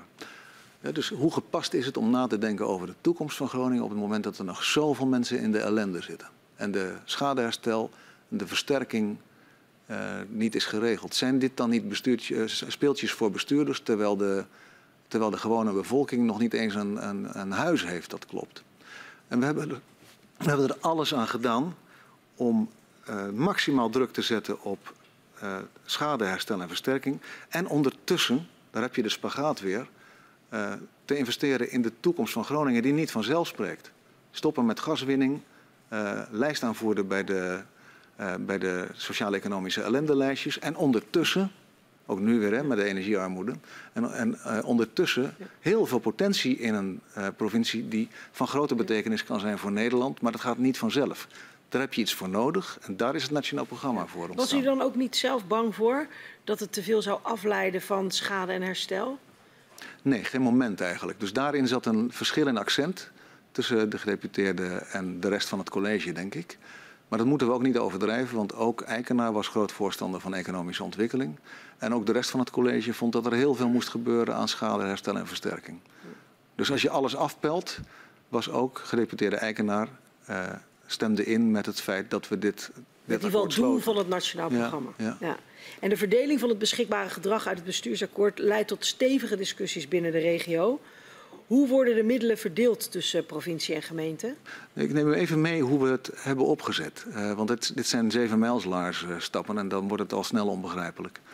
Er is, dus een, eh, er is dus een budget en er is een nationaal programma, maar verder is er nog niks. En in het convenant staat dat er niet alleen bestuurders uit de regio, dus alle gemeenten in het aardbevingsgebied zijn vertegenwoordigd, maar ook allerlei maatschappelijke organisaties in het bestuur staan. Het document beschrijft ook precies voor wie er in het algemeen bestuur moeten zitten en wie er in het DB eh, kunnen zitten. Daarin, eh, zit, daarin zitten twee ministers die zich natuurlijk standaard laten vervangen. Eh, en daar zit, zitten vertegenwoordigers van de provincie en van alle gemeenten. En daar zitten maatschappelijke organisaties van verschillende soorten. En dat gezelschap moest een onafhankelijk voorzitter hebben. En het duurde vrij lang voordat ehm, de vraag bij mij kwam: zou jij een tijdje de onafhankelijk voorzitter van het Nationaal Programma willen zijn? Dus ik denk dat de gedachten eerst wel gingen naar een andere onafhankelijk voorzitter. Dat heb ik een tijd gedaan. En eh, toen, eh, je kunt je voorstellen dat als je alleen een zak geld hebt. En er, eh, er is altijd behoefte bij regionale overheden om geld te besteden, dat, dat, dat het heel naar wordt. En wat ik zo ontzettend goed vind, is dat er zijn twee sessies geweest van alle gemeenteraden en provinciale staten. Onder de bezielende leiding van eh, de heren Deetman en Pastors. eh, in eh, de warm, warme Energy Barn in Groningen. Waarin de leden van de gemeenteraden de doelstellingen krachtig hebben aangescherpt. Hebben gezegd, hier gaat het nationaal programma over. En die, eh, Had dat hebben- niet vooraf moeten gebeuren? dat, ja, maar, dat was, maar het was niet vooraf gebeurd. Ja. En de, eh, er stonden wel, in het document stonden wel ruwweg de doelstellingen. Hè, waar eten Groningen straks van en eh, nog een aantal andere dingen. Ja. Maar de, de gemeenteraadsleden en de statenleden hebben het toen met vereende krachten veel scherper gemaakt. Maar hebben, vond u dat het eigenlijk van tevoren had moeten gebeuren? Dat de Ja, maar- doelstellingen duidelijker ja, waren? soms is het niet ideaal. Soms krijg je de mededeling, er is ruim een miljard beschikbaar voor de economische, sociaal-economische toekomst van Groningen. Ja. En dan moet je nog een heleboel regelen en dan gaat het dus in de omgekeerde volgorde. Dat was aan de hand. En we hebben toen al die raads- en statenleden tot in twee sessies gehad. Die zeiden, dit zijn de doelstellingen. En we willen daar indicatoren bij hebben, want we willen zien dat de besteding van dat geld gaat bijdragen aan die doelen. Dat is tamelijk uniek in het binnenlands bestuur dat dat gebeurt. En alle gemeenteraden hebben ingestemd, en ook de staten hebben ingestemd met de doelstellingen, met de contouren van de indicatoren die daarna nog verfijnd moesten worden, en later ook met de toedeling van middelen in relatie tot de doelstellingen die daarbij stonden. Dit zijn de taken die gemeenten het best kunnen doen, dit zijn de taken die de provincie het best kunnen doen. Ze hebben ook ingestemd met een governance, eh, een bestuursstructuur, waarin eh, elk voor, want we wilden niet een losse bos project, hè, waarin elk voorstel door een commissie die daar verstand van had zou worden beklopt en bekeken. En waarin het, uh, het bestuur van het Nationaal Programma Groningen moest instemmen met ieder voorstel. Dat moest dus aan de eisen voldoen. Dus ik vind dat als je als je, je voorstelt hoe erg het had kunnen worden, een discussie over de verdeling van geld en ja.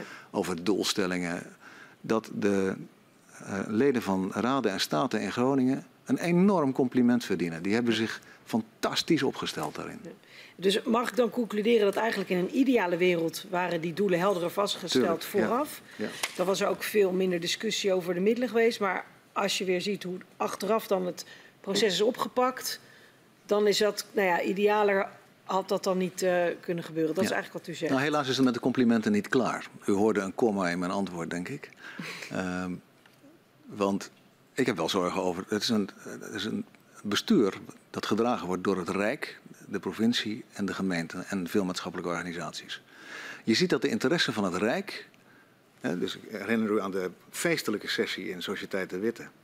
Waarin al die bewindslieden zeiden van nou dit is het startkapitaal. Van, hè, van, nu, van nu af aan gaan we onze middelen maximaal richten op Groningen. Daarna neemt het normale leven zijn, uh, zijn loop. Dus toen wij een aanvraag indienden voor een regio-deal toen zeiden de ambtenaren op het departement, maar Groningen had toch al geld. En op het moment dat we praten nu met het Rijk over de toekomstagenda van Groningen, de verdubbeling van de N33, uh, uh, uh, en een, heleboel andere dingen waarvan wij zeggen, Groningen kan zo van betekenis zijn voor Nederland en er zelf ook wat aan hebben. En we hadden daar toch een afspraak over. Dan klinken de geluiden van ambtenaren van financiën van, ze hebben toch een eh, nationaal programma, zullen ze dat dan maar eerst even opmaken. Dus wat startkapitaal was, uh, dat is een excuus geworden, of aan het worden, om verder niks meer te doen. Ja. Terwijl het en eigenlijk je... bedoeld was als een compensatiebedrag. Dan is het nu eigenlijk bedoeld voor, nou, Groningen krijgt dit en verder. Uh... Ja. Voor je het weet is Groningen weer ver weg. Hebt u een goede reis gehad, meneer Paas, helemaal uit Groningen. Ja. En uh, wat, ik vind dat wij recht hebben op blijvende betrokkenheid van het Rijk, vertegenwoordigd op het hoogste niveau om recht te zetten wat in de geschiedenis zo ontzettend verkeerd is gegaan en tot de dag van vandaag nog niet in evenwicht is. Het Nationaal Programma is nu in uitvoering. Er lopen uh, 241 projecten, waarvan er bijna 59 zijn afgerond. 131 in uitvoering zijn en 51 in voorbereiding. Het grootste deel van het budget is toegekend, verdeeld over soms ook kleine projecten. Um, hoe kijkt u aan tegen de voortgang van de uitvoering van, uh, van het NPG? Nou, uh, dat, daar heb ik twee opvattingen over. De eerste zijn de complimenten die ik zo net uitdeelde. Er is dus op een hele fatsoenlijke en serieuze manier aan de slag gegaan met een groot bedrag. en ehm, je zou willen dat het Rijk nog wat nog steviger vertegenwoordigd is, maar dat ga ik niet herhalen.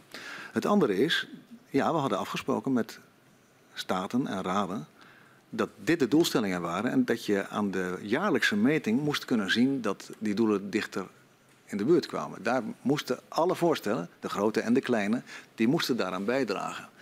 Nou, en er zijn tussenmetingen geweest. Je kunt nog niet alles zien, maar je ziet wel dat sommige doelen, bijvoorbeeld de werkgelegenheid, uh, die zie je uh, nog onvoldoende groeien door de inzet van het, van het nationaal programma.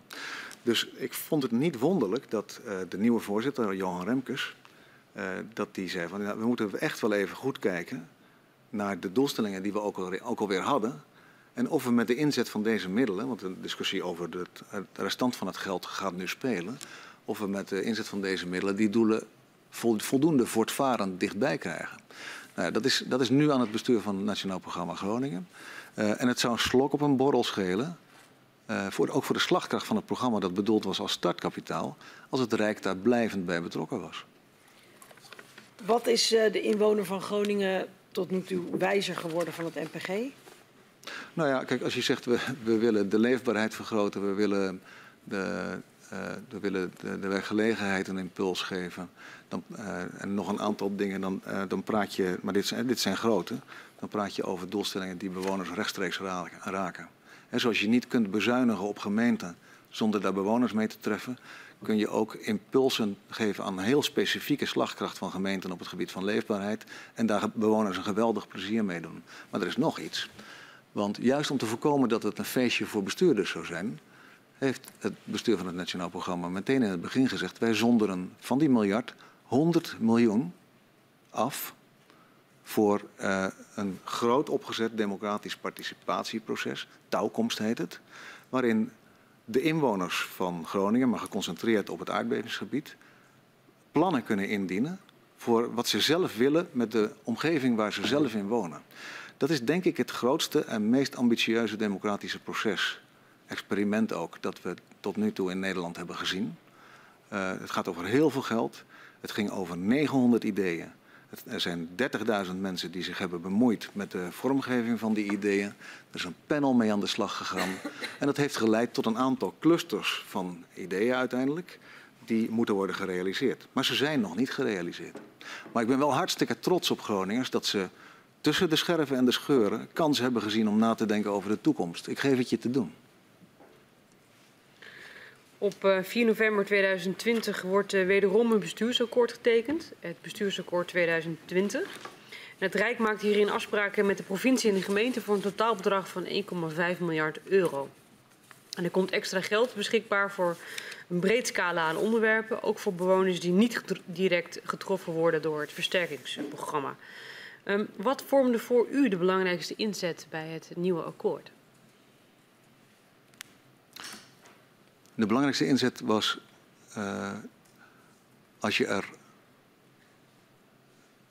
Uh, als je keek naar het aardbevingsgebied, uh, het gebied waarin huizen versterkt moesten worden, en je hoorde de geruchten, feiten waren het nog niet. De geruchten dat er in de nabije toekomst, zeer nabije toekomst, vermoedelijk veel minder versterkt hoefde te worden op basis van nieuwe inzichten en, en, rust, en, en afnemende seismische dreiging. Dan moet je als bestuurder in Groningen uh, ongelooflijk op je kievieven zijn. Dat er niet op allerlei plekken in plukjes huizen is begonnen met versterken. En uh, dat de versterkers daarna zeggen, nou dit was het, hè, het is klaar nu. Waarna je de provincie echt geschonden achterlaat. Met alle verschillen tussen straten, tussen buren, binnen dorpen. Omdat het gewoon, het was opgezet als een veel groter proces. En ineens, plotseling was het veel kleiner. Dus onze belangrijkste zorg was, het zal ons toch niet overkomen dat er een massieve, grote versterkingsoperatie aan de gang is gezet. Die overal is begonnen, maar nergens is afgemaakt. En dat er dan ineens niet meer versterkt hoeft te worden. En dat het dan zo achterblijft als het, uh, als het nou, nog maar net is begonnen. Dus onze belangrijkste zorg, ook de mijne, was... Uh, laten we dan uh, met het Rijk gaan praten over hoe je op een verantwoorde manier... in een volgende fase van de versterking komt. Wat doe je om de losse eindjes af te hechten? En ook wat doe je, dat is het tweede, om mensen die er wonen... Uh, het liefst allemaal de kans te geven iets goeds te doen met hun huis. Nou, dat was, de, dat was het vertrekpunt van een nou, alweer uh, uh, taaie onderhandeling. We kregen niks cadeau, het was een zware bevalling, het was taai, het was hard. Het zat behoorlijk lang muurvast. Dus ik kijk niet met plezier terug op het proces. Nee. Maar het is wel gelukt om uiteindelijk anderhalf miljard, alweer met een bijdrage van de regio die substantieel was, maar anderhalf miljard naar buiten te brengen als dat gaan we erin steken. Ja. En over dat proces gesproken, uh, kwamen de provincie en gemeentes bij dit akkoord vooraf tot een uh, gezamenlijk standpunt? Ja, nou, nou, ja, maar daar is niet alles mee gezegd. Want uh, als je in een onderhandelingsproces zit, dan veranderen je standpunten onderweg ook wel eens. En we hebben elkaar de hele tijd vastgehouden. Dit was een, dit was net zo gezamenlijk als al die andere dingen. Ja. Nou, we lezen inderdaad ook terug, hè, 600 miljoen voor clustering om inderdaad sociale ontwrichting uh, in, binnen dorpen en wijken te voorkomen. Maar ook um, subsidie voor woningverbetering van inwoners, rond 300 miljoen. Woningverbetering door woningcorporaties, 135 miljoen. Um, het akkoord wordt eind van dit jaar uh, geëvalueerd. En hoe monitort eigenlijk de provincie op de effectiviteit van de inzetten van middelen? Dat weet ik eigenlijk niet. Dus um, ongetwijfeld zijn er mensen in het provinciehuis die dat weten, maar dat weet ik niet. Oké. Okay. Ja. Weet u hoe uh, de uitvoering van het akkoord dan uh, nu verloopt? In het algemene zin? Nou, er is, er is wel enige tijd voor mensen om hun. Zijn, er zijn dingen. Dus, als er een knelpuntenpot wordt afgesproken, dan wordt die beschikbaar gesteld. En vanaf dat moment zie je dat de nationale coördinator gebruik maakt van zo'n, knelpuntenportal. Dat is, een, dat is een onderdeel. Er zijn ook tamelijk veel subsidieregelingen mm -hmm. uh, tot stand gekomen. Subsidieregelingen van het Rijk. Eh, begon als subsidieregelingen van BZK, inmiddels weer terug naar EZK. En daar kunnen mensen, eh, als ze aan voorwaarden voldoen, gebruik van maken. En, ehm, eh, dus hoe is dat georganiseerd? Doordat, eh, ik denk in veel gevallen SNN, SNN de, de subsidie uitvoert, waar mensen een aanvraag voor kunnen doen. Ik voldoe aan de voorwaarden. Ik wil graag in aanmerking komen voor deze subsidie. En hè, er zijn heel veel categorieën. U noemde de bedragen die ervoor beschikbaar waren. Maar dat leidt dan tot hè, 30.000 voor deze situatie en 17.000 voor die situatie en ook 10 voor die situatie. Bij de uitvoering van het bestuursakkoord gaat het mis. Als Groningers op 10 januari 2022 massaal in de rij staan om de subsidie verduurzaming en verbetering Groningen aan te vragen. Een uur na opening van het subsidieloket is het subsidieplafond al bereikt. Wat waren de financiële randvoorwaarden van de subsidieregeling? Um, het risico van deze fase in het verhoor is dat ik ga uitleggen hoe het kwam, maar ik wil graag eerst iets anders zeggen. Ik wil eerst weten wat de financiële randvoorwaarden waren van de subsidieregeling. Want we gaan het nog uitgebreid over ja. hebben. En ik denk dat u er was 300, er was de 300, mogelijkheid er was 300 miljoen. krijgt om, uh, om, er wat meer ja. over te zeggen. Dat was 300 miljoen en geen cent meer. Ja, dat waren eigenlijk gewoon, uh, ja. gewoon de, de randvoorwaarden. En hoe komt zo'n bedrag dan tot stand als u zegt van 300 miljoen, geen cent meer? Er waren allerlei bedragen nodig voor, uh, voor allerlei doelen die heel belangrijk waren.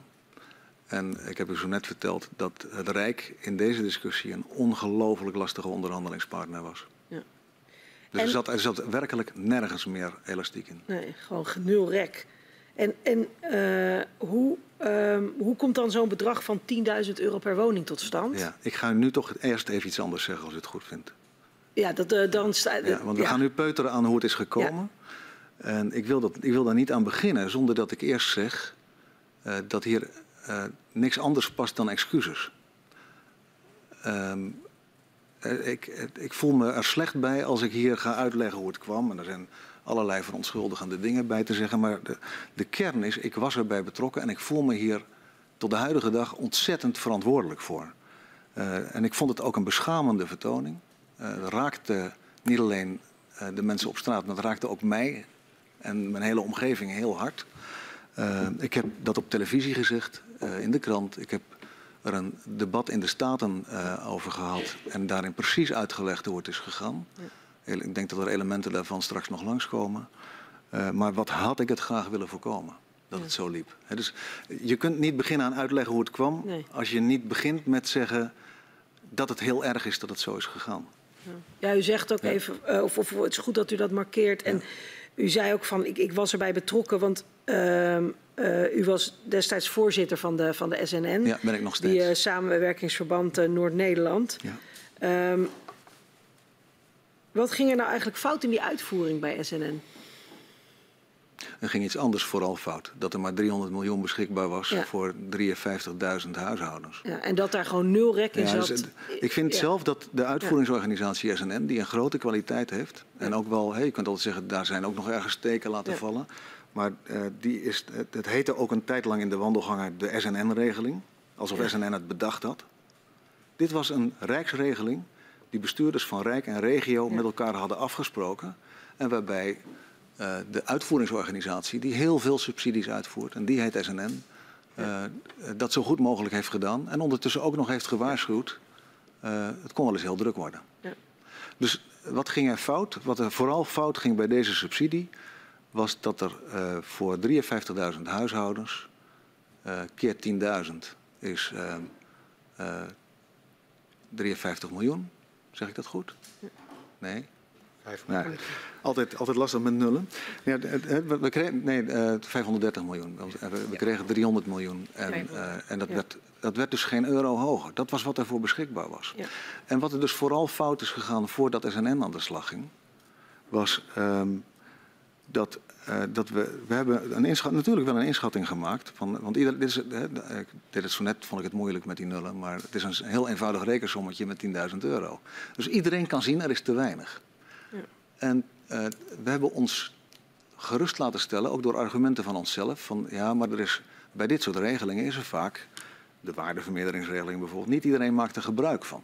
Er was ook de behoefte om met een substantieel bedrag te komen. Hè? Dus je had het kunnen delen door, uh, door veel meer huizen, maar dan had iedereen natuurlijk minder gekregen. Een euro of 6, 7, uh, 7000 in plaats van de 10.000. Nou, hier zeiden we willen komen met een serieus te nemen bedrag. Die behoefte was heel groot.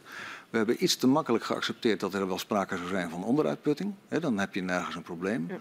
Uh, nou, u bent nu al zelf bij uw eigen onderuitputting of geruststelling, maar u geeft zelf wel e- enkele keren bij premier Rutte aan dat, ja, het, uh, dat het budget ontoereikend is. Ja. Op welke nou, momenten deed u dat? Dat is later. Dus ik begin uh, geduldig voor u af te pellen wat er misging. En wat er misging was dus in de aanvang dat de bestuurders met z'n allen een 10.000 euro regeling hebben geaccepteerd. Ik ook. Voor een doelgroep die niet kon uit dat budget. En, die en de hele rest is een gevolg van, dat, ja, van die, die, keuze. Die 10.000 euro die komt dan gewoon tot stand van we hebben dit budget en dan moeten we het maar 10.000 van maken. Heeft u ook nog wel eens bedacht, misschien moet dat bedrag per woning dan lager? Ja, zeker. Maar dat was een minder mooi bedrag. En de behoefte was ook om te komen met een substantieel bedrag. En uh, uh, dat, nou, als, als niet iedereen er gebruik van maakt, dan, dan is, wat tot nu toe vaak de ervaring was, dan, dan is dat niet zo'n probleem. Ja. Maar we hebben het hier ook nog eens ondertussen heel makkelijk gemaakt om er gebruik van te maken. Ja, dan, dan blijft een goede daad niet lang onbestraft. Want dan eh, is er ineens grote belangstelling. En ik correspondeerde met eh, de heer Rutte, die ik daarvoor ook had gesproken overigens. Over, de, over onder andere dezelfde kwestie. Nadat we uh, een eerste plak, een eerste tranche heet dat dan in beleidsjargon van het, van het geld. Dat was door BZK beschikbaar gesteld. En uh, dat was in een vloek en een zucht was het op. Ja. Dat ging snel, stond er dan op de website van SNN. Maar vanaf dat moment zie je dat in ambtelijke contacten, in het versterkingsoverleg waar de NCG bij aanwezig is, in allerlei bestuurlijke contacten, ikzelf bij de premier, in de inzet op de kabinetsformatie die toevallig in Groningen was, in de brief aan de informateurs, mondeling uh, bij uh, mensen die er misschien nog wat aan konden doen, waaronder de formerende partijen. In een brief van de regio aan minister Blok. Op allerlei plekken hebben we gezegd: let op, het was heel snel de deur uit. Er is te weinig, kom met extra geld. En we waren aan het begin misschien te optimistisch over dat je dan, als er een probleem zou zijn, dat je dat dan onderweg wel in goed overleg zou kunnen oplossen. Ja. Want het gaat niet over extreem veel geld op de schaal van het Rijk. Dus maar het Rijk was onbewegelijk. Ja, dus u zegt eigenlijk van die 300 miljoen, dat was, gewoon, was al onbewegelijk, dus, dus, dat stond er. Daardoor deden we 10.000 per woning, want we wilden een substantieel bedrag. En als je lager ging, dan was het niet meer substantieel. Maar u had nog wel ergens de hoop van ja, ook al is het die 300 miljoen, als we aan de bellen gaan trekken, we, we leggen het op de formatietafel, dan, dan wordt het opgerekend. En dat doet u dus.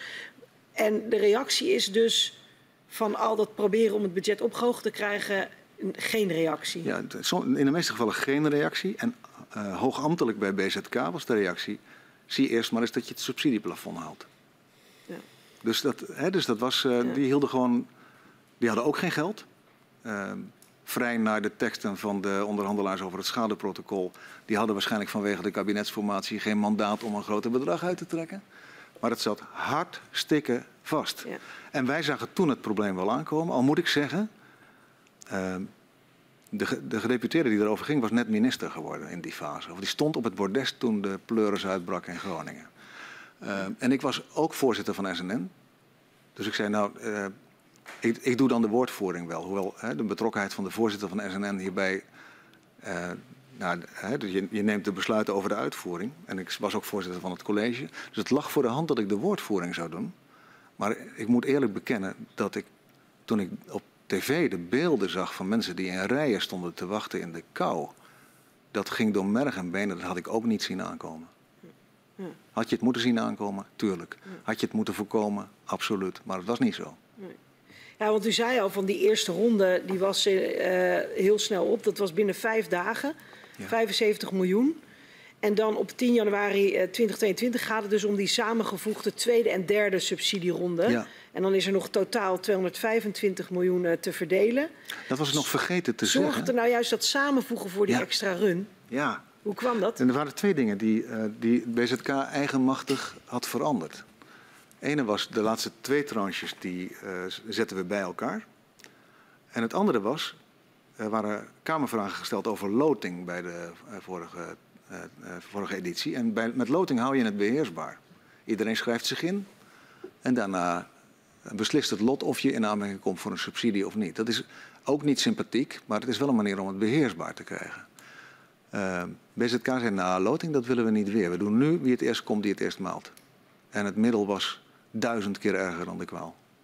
Want dan creëer je dus een omstandigheid waarin er een bankrun op zijn oud-Gronings ontstaat. Ja.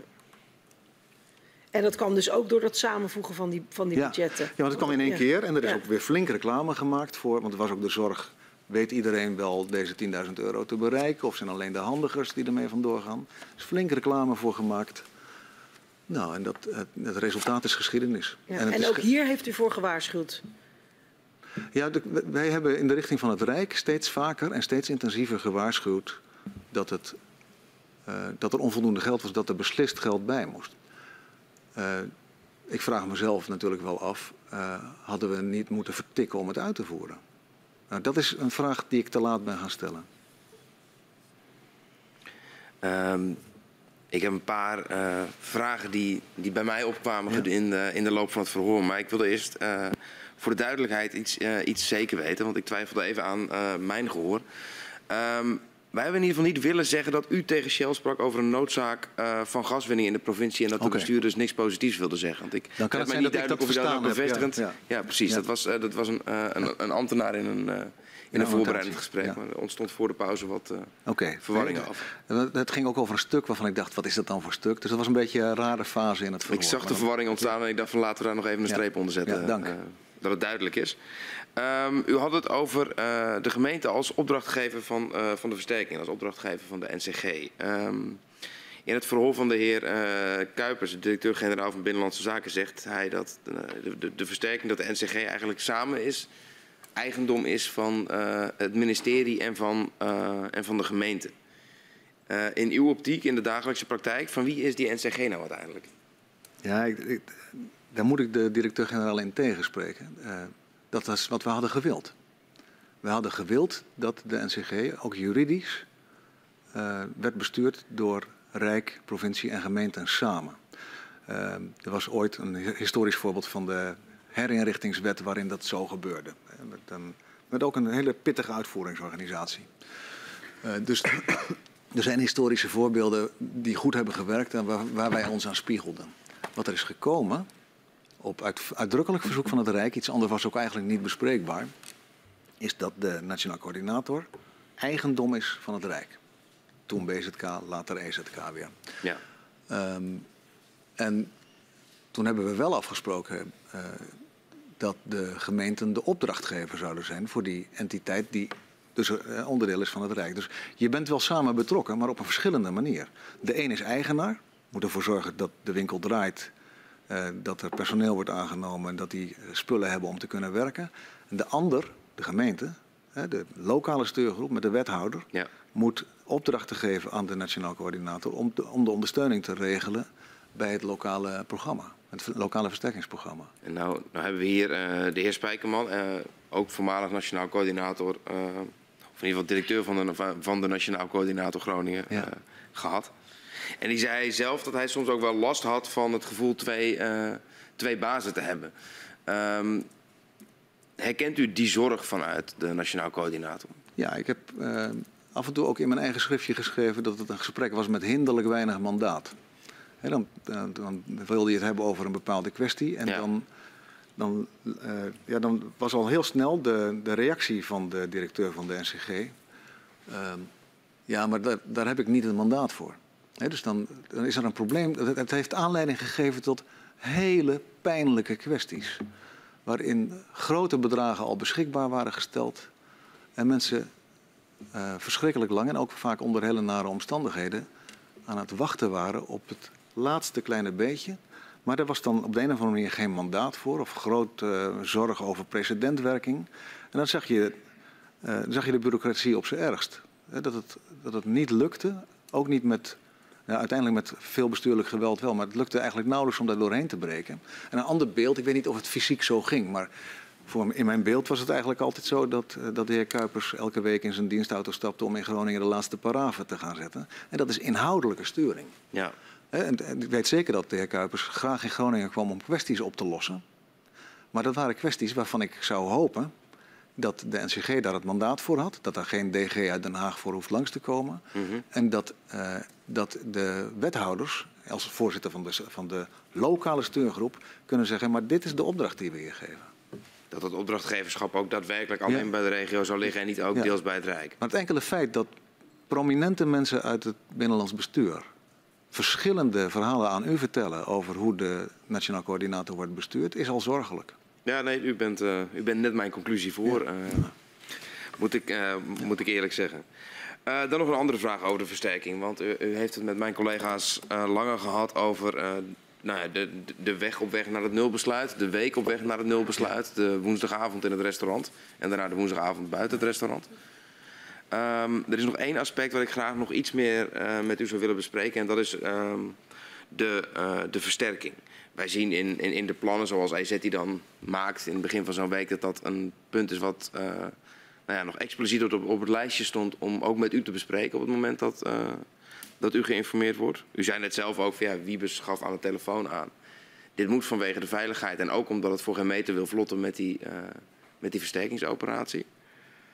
Ehm, wat zei Wiebes wanneer tegen u die week over de versterkingsoperatie? Heeft u dat nog eh, Ik kan dat, niet, ik kan dat niet meer reconstrueren. We, eh, eh, maar wat ik wel weet is dat we vrij snel daarna, dus de precieze timing ben ik kwijt.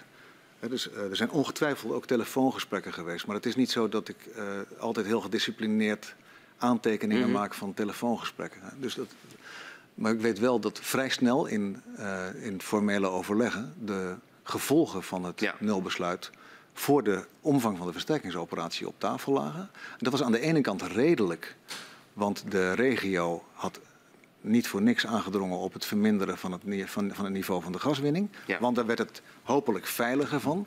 En aan de andere kant was het eh, te veel grote stappen snel thuis. Want eh, de, de aarde is echt nog niet onder de indruk van het feit dat het kabinet zich heeft voorgenomen minder te gaan winnen. Ja. Dat heeft geen enkele invloed op de seismiciteit.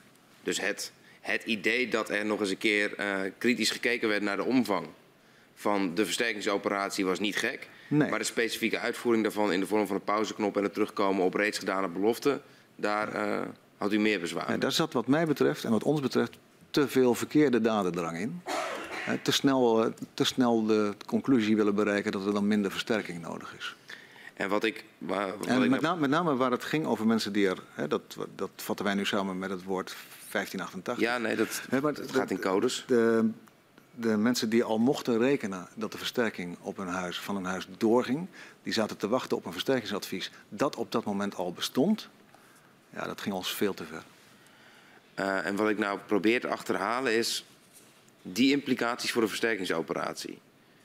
Eh, in, in hoeverre die eh, voorafgaand aan het nulbesluit met u gedeeld zijn door de minister. Dat het, eh, de rechtstreekse consequentie voor de badge 1488 is op geen enkele manier van tevoren met mij gedeeld. Ik denk dat het echt niet meer is geweest, want het was een verrassing, deze mededeling. Ja. Dus het is één telefoontje waarin de, het besluit en ook de argumentatie aan mij werd toegediend. Ik heb zo net gezegd dat je je soms, als het heel hevig is, niet precies meer herinnert hoe het Ja. was. Maar ik weet zeker dat de minister tegen mij heeft gezegd waarom die het deed. En dat was omdat je Groningen niet op een andere manier veilig kon krijgen eh, met, met de versterkingsoperatie. Ja. En dat het dus gevolgen zou kunnen hebben voor de toekomst van de versterkingsoperatie, dat vond ik niet verrassend. Dat het ingrijpende gevolgen zou hebben voor de inwoners die al midden in een versterkingsoperatie zaten, eh, dat vond ik schandalig. Ja. Dat was u op dat moment ook helemaal Nee, niet maar duidelijk. dat is echt niet wat er toen al Nee. werd gedeeld. Nee. Oké, dank u wel. Als eh, commissaris van de Koning bent u naast eh, de hoogste bestuurder in de provincie ook de vertegenwoordiger van de regering in de provincie. In hoeverre is deze dubbelrol in de afgelopen jaren moeilijk eh, voor u geweest? Nou, ik, ik heb zo net met u de, eh, eh, met de, met u de profielschets doorgenomen. Eh, en daar, eh, daar staat het woord verbinder in. Kijk, de, de, waar de commissaris nog ouderwets van de koning is, dat is een historische titel. Vroeger was hij 100% van de koning. Maar tegenwoordig is het gewoon de voorzitter van het dagelijks bestuur van de provincie. En er zijn nog een paar rijkstaken. Die staan beschreven in de ambtsinstructie voor de commissaris van de koning. Dus de wetgever heeft precies vastgelegd wat de commissaris van de Koning voor het Rijk moet doen. Er is niet één rijkstaak die mij nu te binnen schiet, die mij dwars heeft gezeten om op te komen voor Groningen. Uh, het andere ding is dat burgemeesters, commissarissen, omdat ze geacht worden boven de partijen te staan, vaak een verbindende rol hebben waar het, waar het tegenstellingen dreigen. Dus je bent vaak ook de verbindingsofficier van uh, hoe ligt dat bij jullie? Um, uh, kunnen we iets voor elkaar betekenen? Kunnen we eruit komen wanneer het helemaal vast zit? Uh, dus die rol zit er wel in, maar dat deed ik altijd vanuit de hoedanigheid van voorzitter van de Groningse delegatie. Dus iedereen wist wel wie die met me, bij me aan tafel had. Niet uh, René Paas van de Koning, maar René Paas van Groningen. Ja. Was het dan voor u ook als betrokkenen mogelijk om kritiek te leveren op het Rijksbeleid? Ja, en uh, de, de kranten staan vol met voorbeelden daarvan. Um, het kabinet um, geeft aan in, uh, in de troonrede van enkele weken geleden dat ze wil inzetten op het verduurzamen van de industrie, die een groot verbruiker van gas is. Waterstof werd uh, daarbij expliciet genoemd als een nieuwe vorm van energie. En Groningen profileert zich als, juist als waterstofprovincie. Ja. De provincie zet voor de toekomst in op waterstof. En u bent een warm pleitbezorger. Kunt u kort uitleggen wat de waterstofambities van Groningen zijn en met welke partijen u samenwerkt om deze te realiseren? Uh, wij zien, uh, Groningen is de plek waar de, dat is, dat is geen toeval, waar de zogeheten gasrotonde in de grond ligt. Dus uh, Nederland heeft niet alleen geld verdiend aan het winnen van heel veel gas uit Groningen, maar Nederland heeft ook heel veel geld verdiend aan het handelen in gas. Daar, he, Gasterra is daar verschrikkelijk goed in. Uh, daarvoor is behulpzaam dat we een heel systeem hebben van opslag en verdeelstations en nou, alles wat je nodig hebt om om te gaan met aardgas. En ik heb me laten vertellen dat, uh, dat de voorzieningen die er nu in de grond liggen, met vrij weinig investeringen geschikt te maken zijn voor een ander gas. En uh, de redenering begint in Groningen bij de chemische industrie. Die loopt van Delfzijl tot Emmen ongeveer. Uh, en die zit daar niet toevallig. Die zit er omdat er aardgas wordt gewonnen in Groningen. En van aardgas kun je heel gemakkelijk uh, een hele belangrijke grondstof voor de chemische industrie maken, namelijk waterstof. Dat is zogeheten grijs waterstof. Bijproduct is CO2, maar dat kon vroeger geen kwaad. Um, en uh, dat moet dus anders. Die industrie die wil heel graag vergroenen. En die heeft daarvoor ontzettend veel groene, uh, door groene stroom opgewekte waterstof nodig. En Groningen heeft uh, een recente geschiedenis. gedeputeerde Homan heeft daar flink, flink school mee gemaakt. Maar het hele college stond daarachter. Waarin we hebben gezegd, nou ja, wij willen, we vertikken het om opnieuw het pinautomaat te zijn voor Nederland. Maar we willen echt wel weer de leverancier zijn van energie. Want we zijn daar eigenlijk voor gemaakt. De weg naar Glasgow en Parijs loopt via Groningen, riepen we dan altijd. En dat, dat is ook zo. Maar de, de driver daarachter, eh, de, de, belangrijke verklaring daarachter is die, uh, die chemie die daar al zit. Ja. En wat dan opvalt, dat gaat weer over commitment van het Rijk, is dat iedereen die filosofie heel erg ziet zitten. Maar dat als je praat over de volgorde waarin wind op zee wordt aangelegd, dat het aan de noordkant van Nederland weer te weinig en te laat is. Welke partners heb je daarvoor nodig? Nou, daar is een consortium gevormd. Uh, uh, en dat zal u interesseren dat onder andere Shell daarin zit. Uh, maar ook Groningen Seaports en ook de Gasunie. Dat heet North Edge 2. En die hebben grote plannen voor het maken van een windpark aan de noordkant van Nederland. Waarvan de groene energie aanlandt in de Eemshaven. Dat is allemaal niet zonder problemen, maar het is, wij denken dat daar een heel belangrijk element van onze toekomst in zit.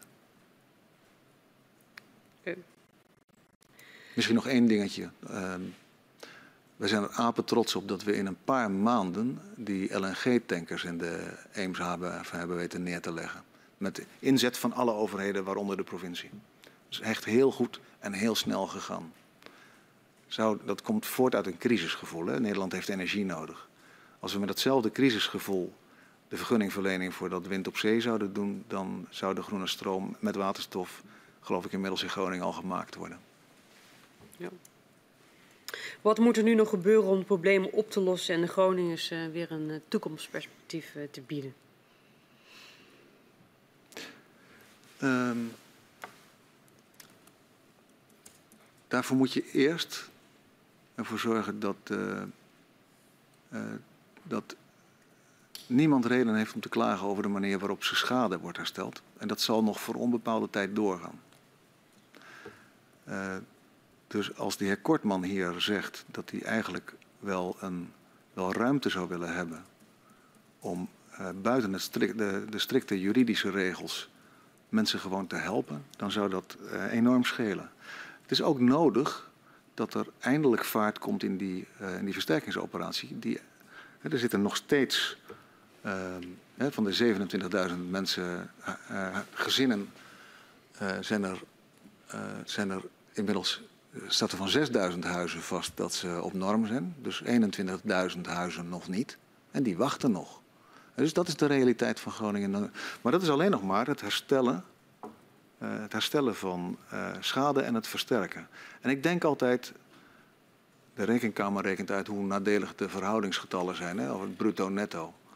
Dat is echt om je, om je voor te schamen. Als diezelfde mensen die nu de afvinklijstjes doen en de protocollen toepassen en de toestemming moeten geven en de parafen moeten zetten. Uh, als die nou de strikte opdracht krijgen om nu vooral mensen te gaan helpen. En daarbij is schandalig royaal te zijn. Nadat we 400, uh, miljoen, 400 miljard euro hebben gehaald aan staatsbaten uh, uit het Groningenveld. Als, we, als de mensen is de opdrachtgever ga mensen helpen dan scheelt dat enorm. Maar dan hebben we het alleen nog steeds maar over schadeherstel en versterking. Onze provincie heeft meer nodig dan dat. En uh, ja, ik zou willen, ik zou willen dat, uh, dat, dat Nederland dat ook ziet. Uh, want Nederland, ik zei het in het begin, Nederland heeft iets recht te zetten. Uh, Nederland heeft iets recht te zetten in de richting van Groningen en Groningers. Dus daarbij is het motto toch vooral, geef de mensen, de vele mensen die aan de slag zijn om schadeherstel en versterking te doen, geeft hij één instructie met name. Geef mensen de, uh, de ruimte om door te kunnen gaan met hun leven. En als dat extra geld kost, we hebben zoveel verdiend aan Groningen, dan neem je maar een keer het risico dat er een keer iemand geld krijgt waar hij misschien geen recht op had. Maar keer het eens om. Het ging hier aan, aan tafel, ik weet niet meer wie het zei, over het omkeren van de risico's. De risico's van inflatie, gestegen bouwkosten, die liggen allemaal nog steeds bij die inwoners die er niet voor hebben gekozen dat de aarde onder hun huis ging schudden, die geen cent hebben ontvangen van de goudmijn waar ze boven wonen, zorg ervoor dat je die risico's overneemt. Dat je mensen in de gelegenheid stelt om met hun leven door te gaan. En dan hè, Groningen, Groningers en, uh, en Groningen, dan Groningen. Uh, wij zijn de provincie die Nederland rijk heeft gemaakt. Uh, hè, dus nee, ik heb wel eens ergens gelezen, ik weet niet of het zo erg is, dat Nederland is België plus aardgas. Dat is dus een enorm verschil. Uh, en dat is, Groningen is niet goed behandeld. En onze toekomst staat hier op het spel. En aan de ene kant is het zo dat Nederland best een beetje meer Groningen kan gebruiken. Dus Nederland heeft Groningen ook hard nodig voor een aantal dingen. Als je, als je een miljoen huizen moet bouwen in tien jaar, dan snap ik niet dat dat allemaal in die overvolle Randstad geprutst wordt. Maar zorg ervoor dat je andere delen van het land, waaronder Groningen, is wat beter ontsluit. En ga daar dan ook wat huizen bouwen. Um, en, en, en, en Groningen heeft Nederland ook nodig. Dus wij hebben recht, vind ik, op blijvende betrokkenheid van de regering. En mag ik het zeggen, ook van het parlement. Uh, dat, dat wat in decennia scheef is gegroeid, de komende decennia met, nou, met, ook wel met grote bedragen wordt rechtgezet. Als we iets een crisis noemen, dan uh, vliegen in Den Haag de miljarden je om de oren. Dat valt ook in Groningen op.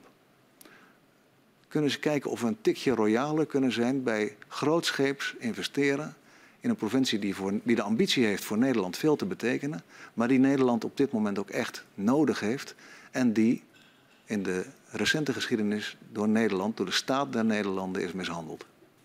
Dank u wel. We zijn uitgevraagd als commissie. Dat dacht ik ook hierna. Ja. Dank voor uw medewerking. Verzoek de griffier om u en uw steunverleerder, de heer Ten Wolde, naar buiten te geleiden.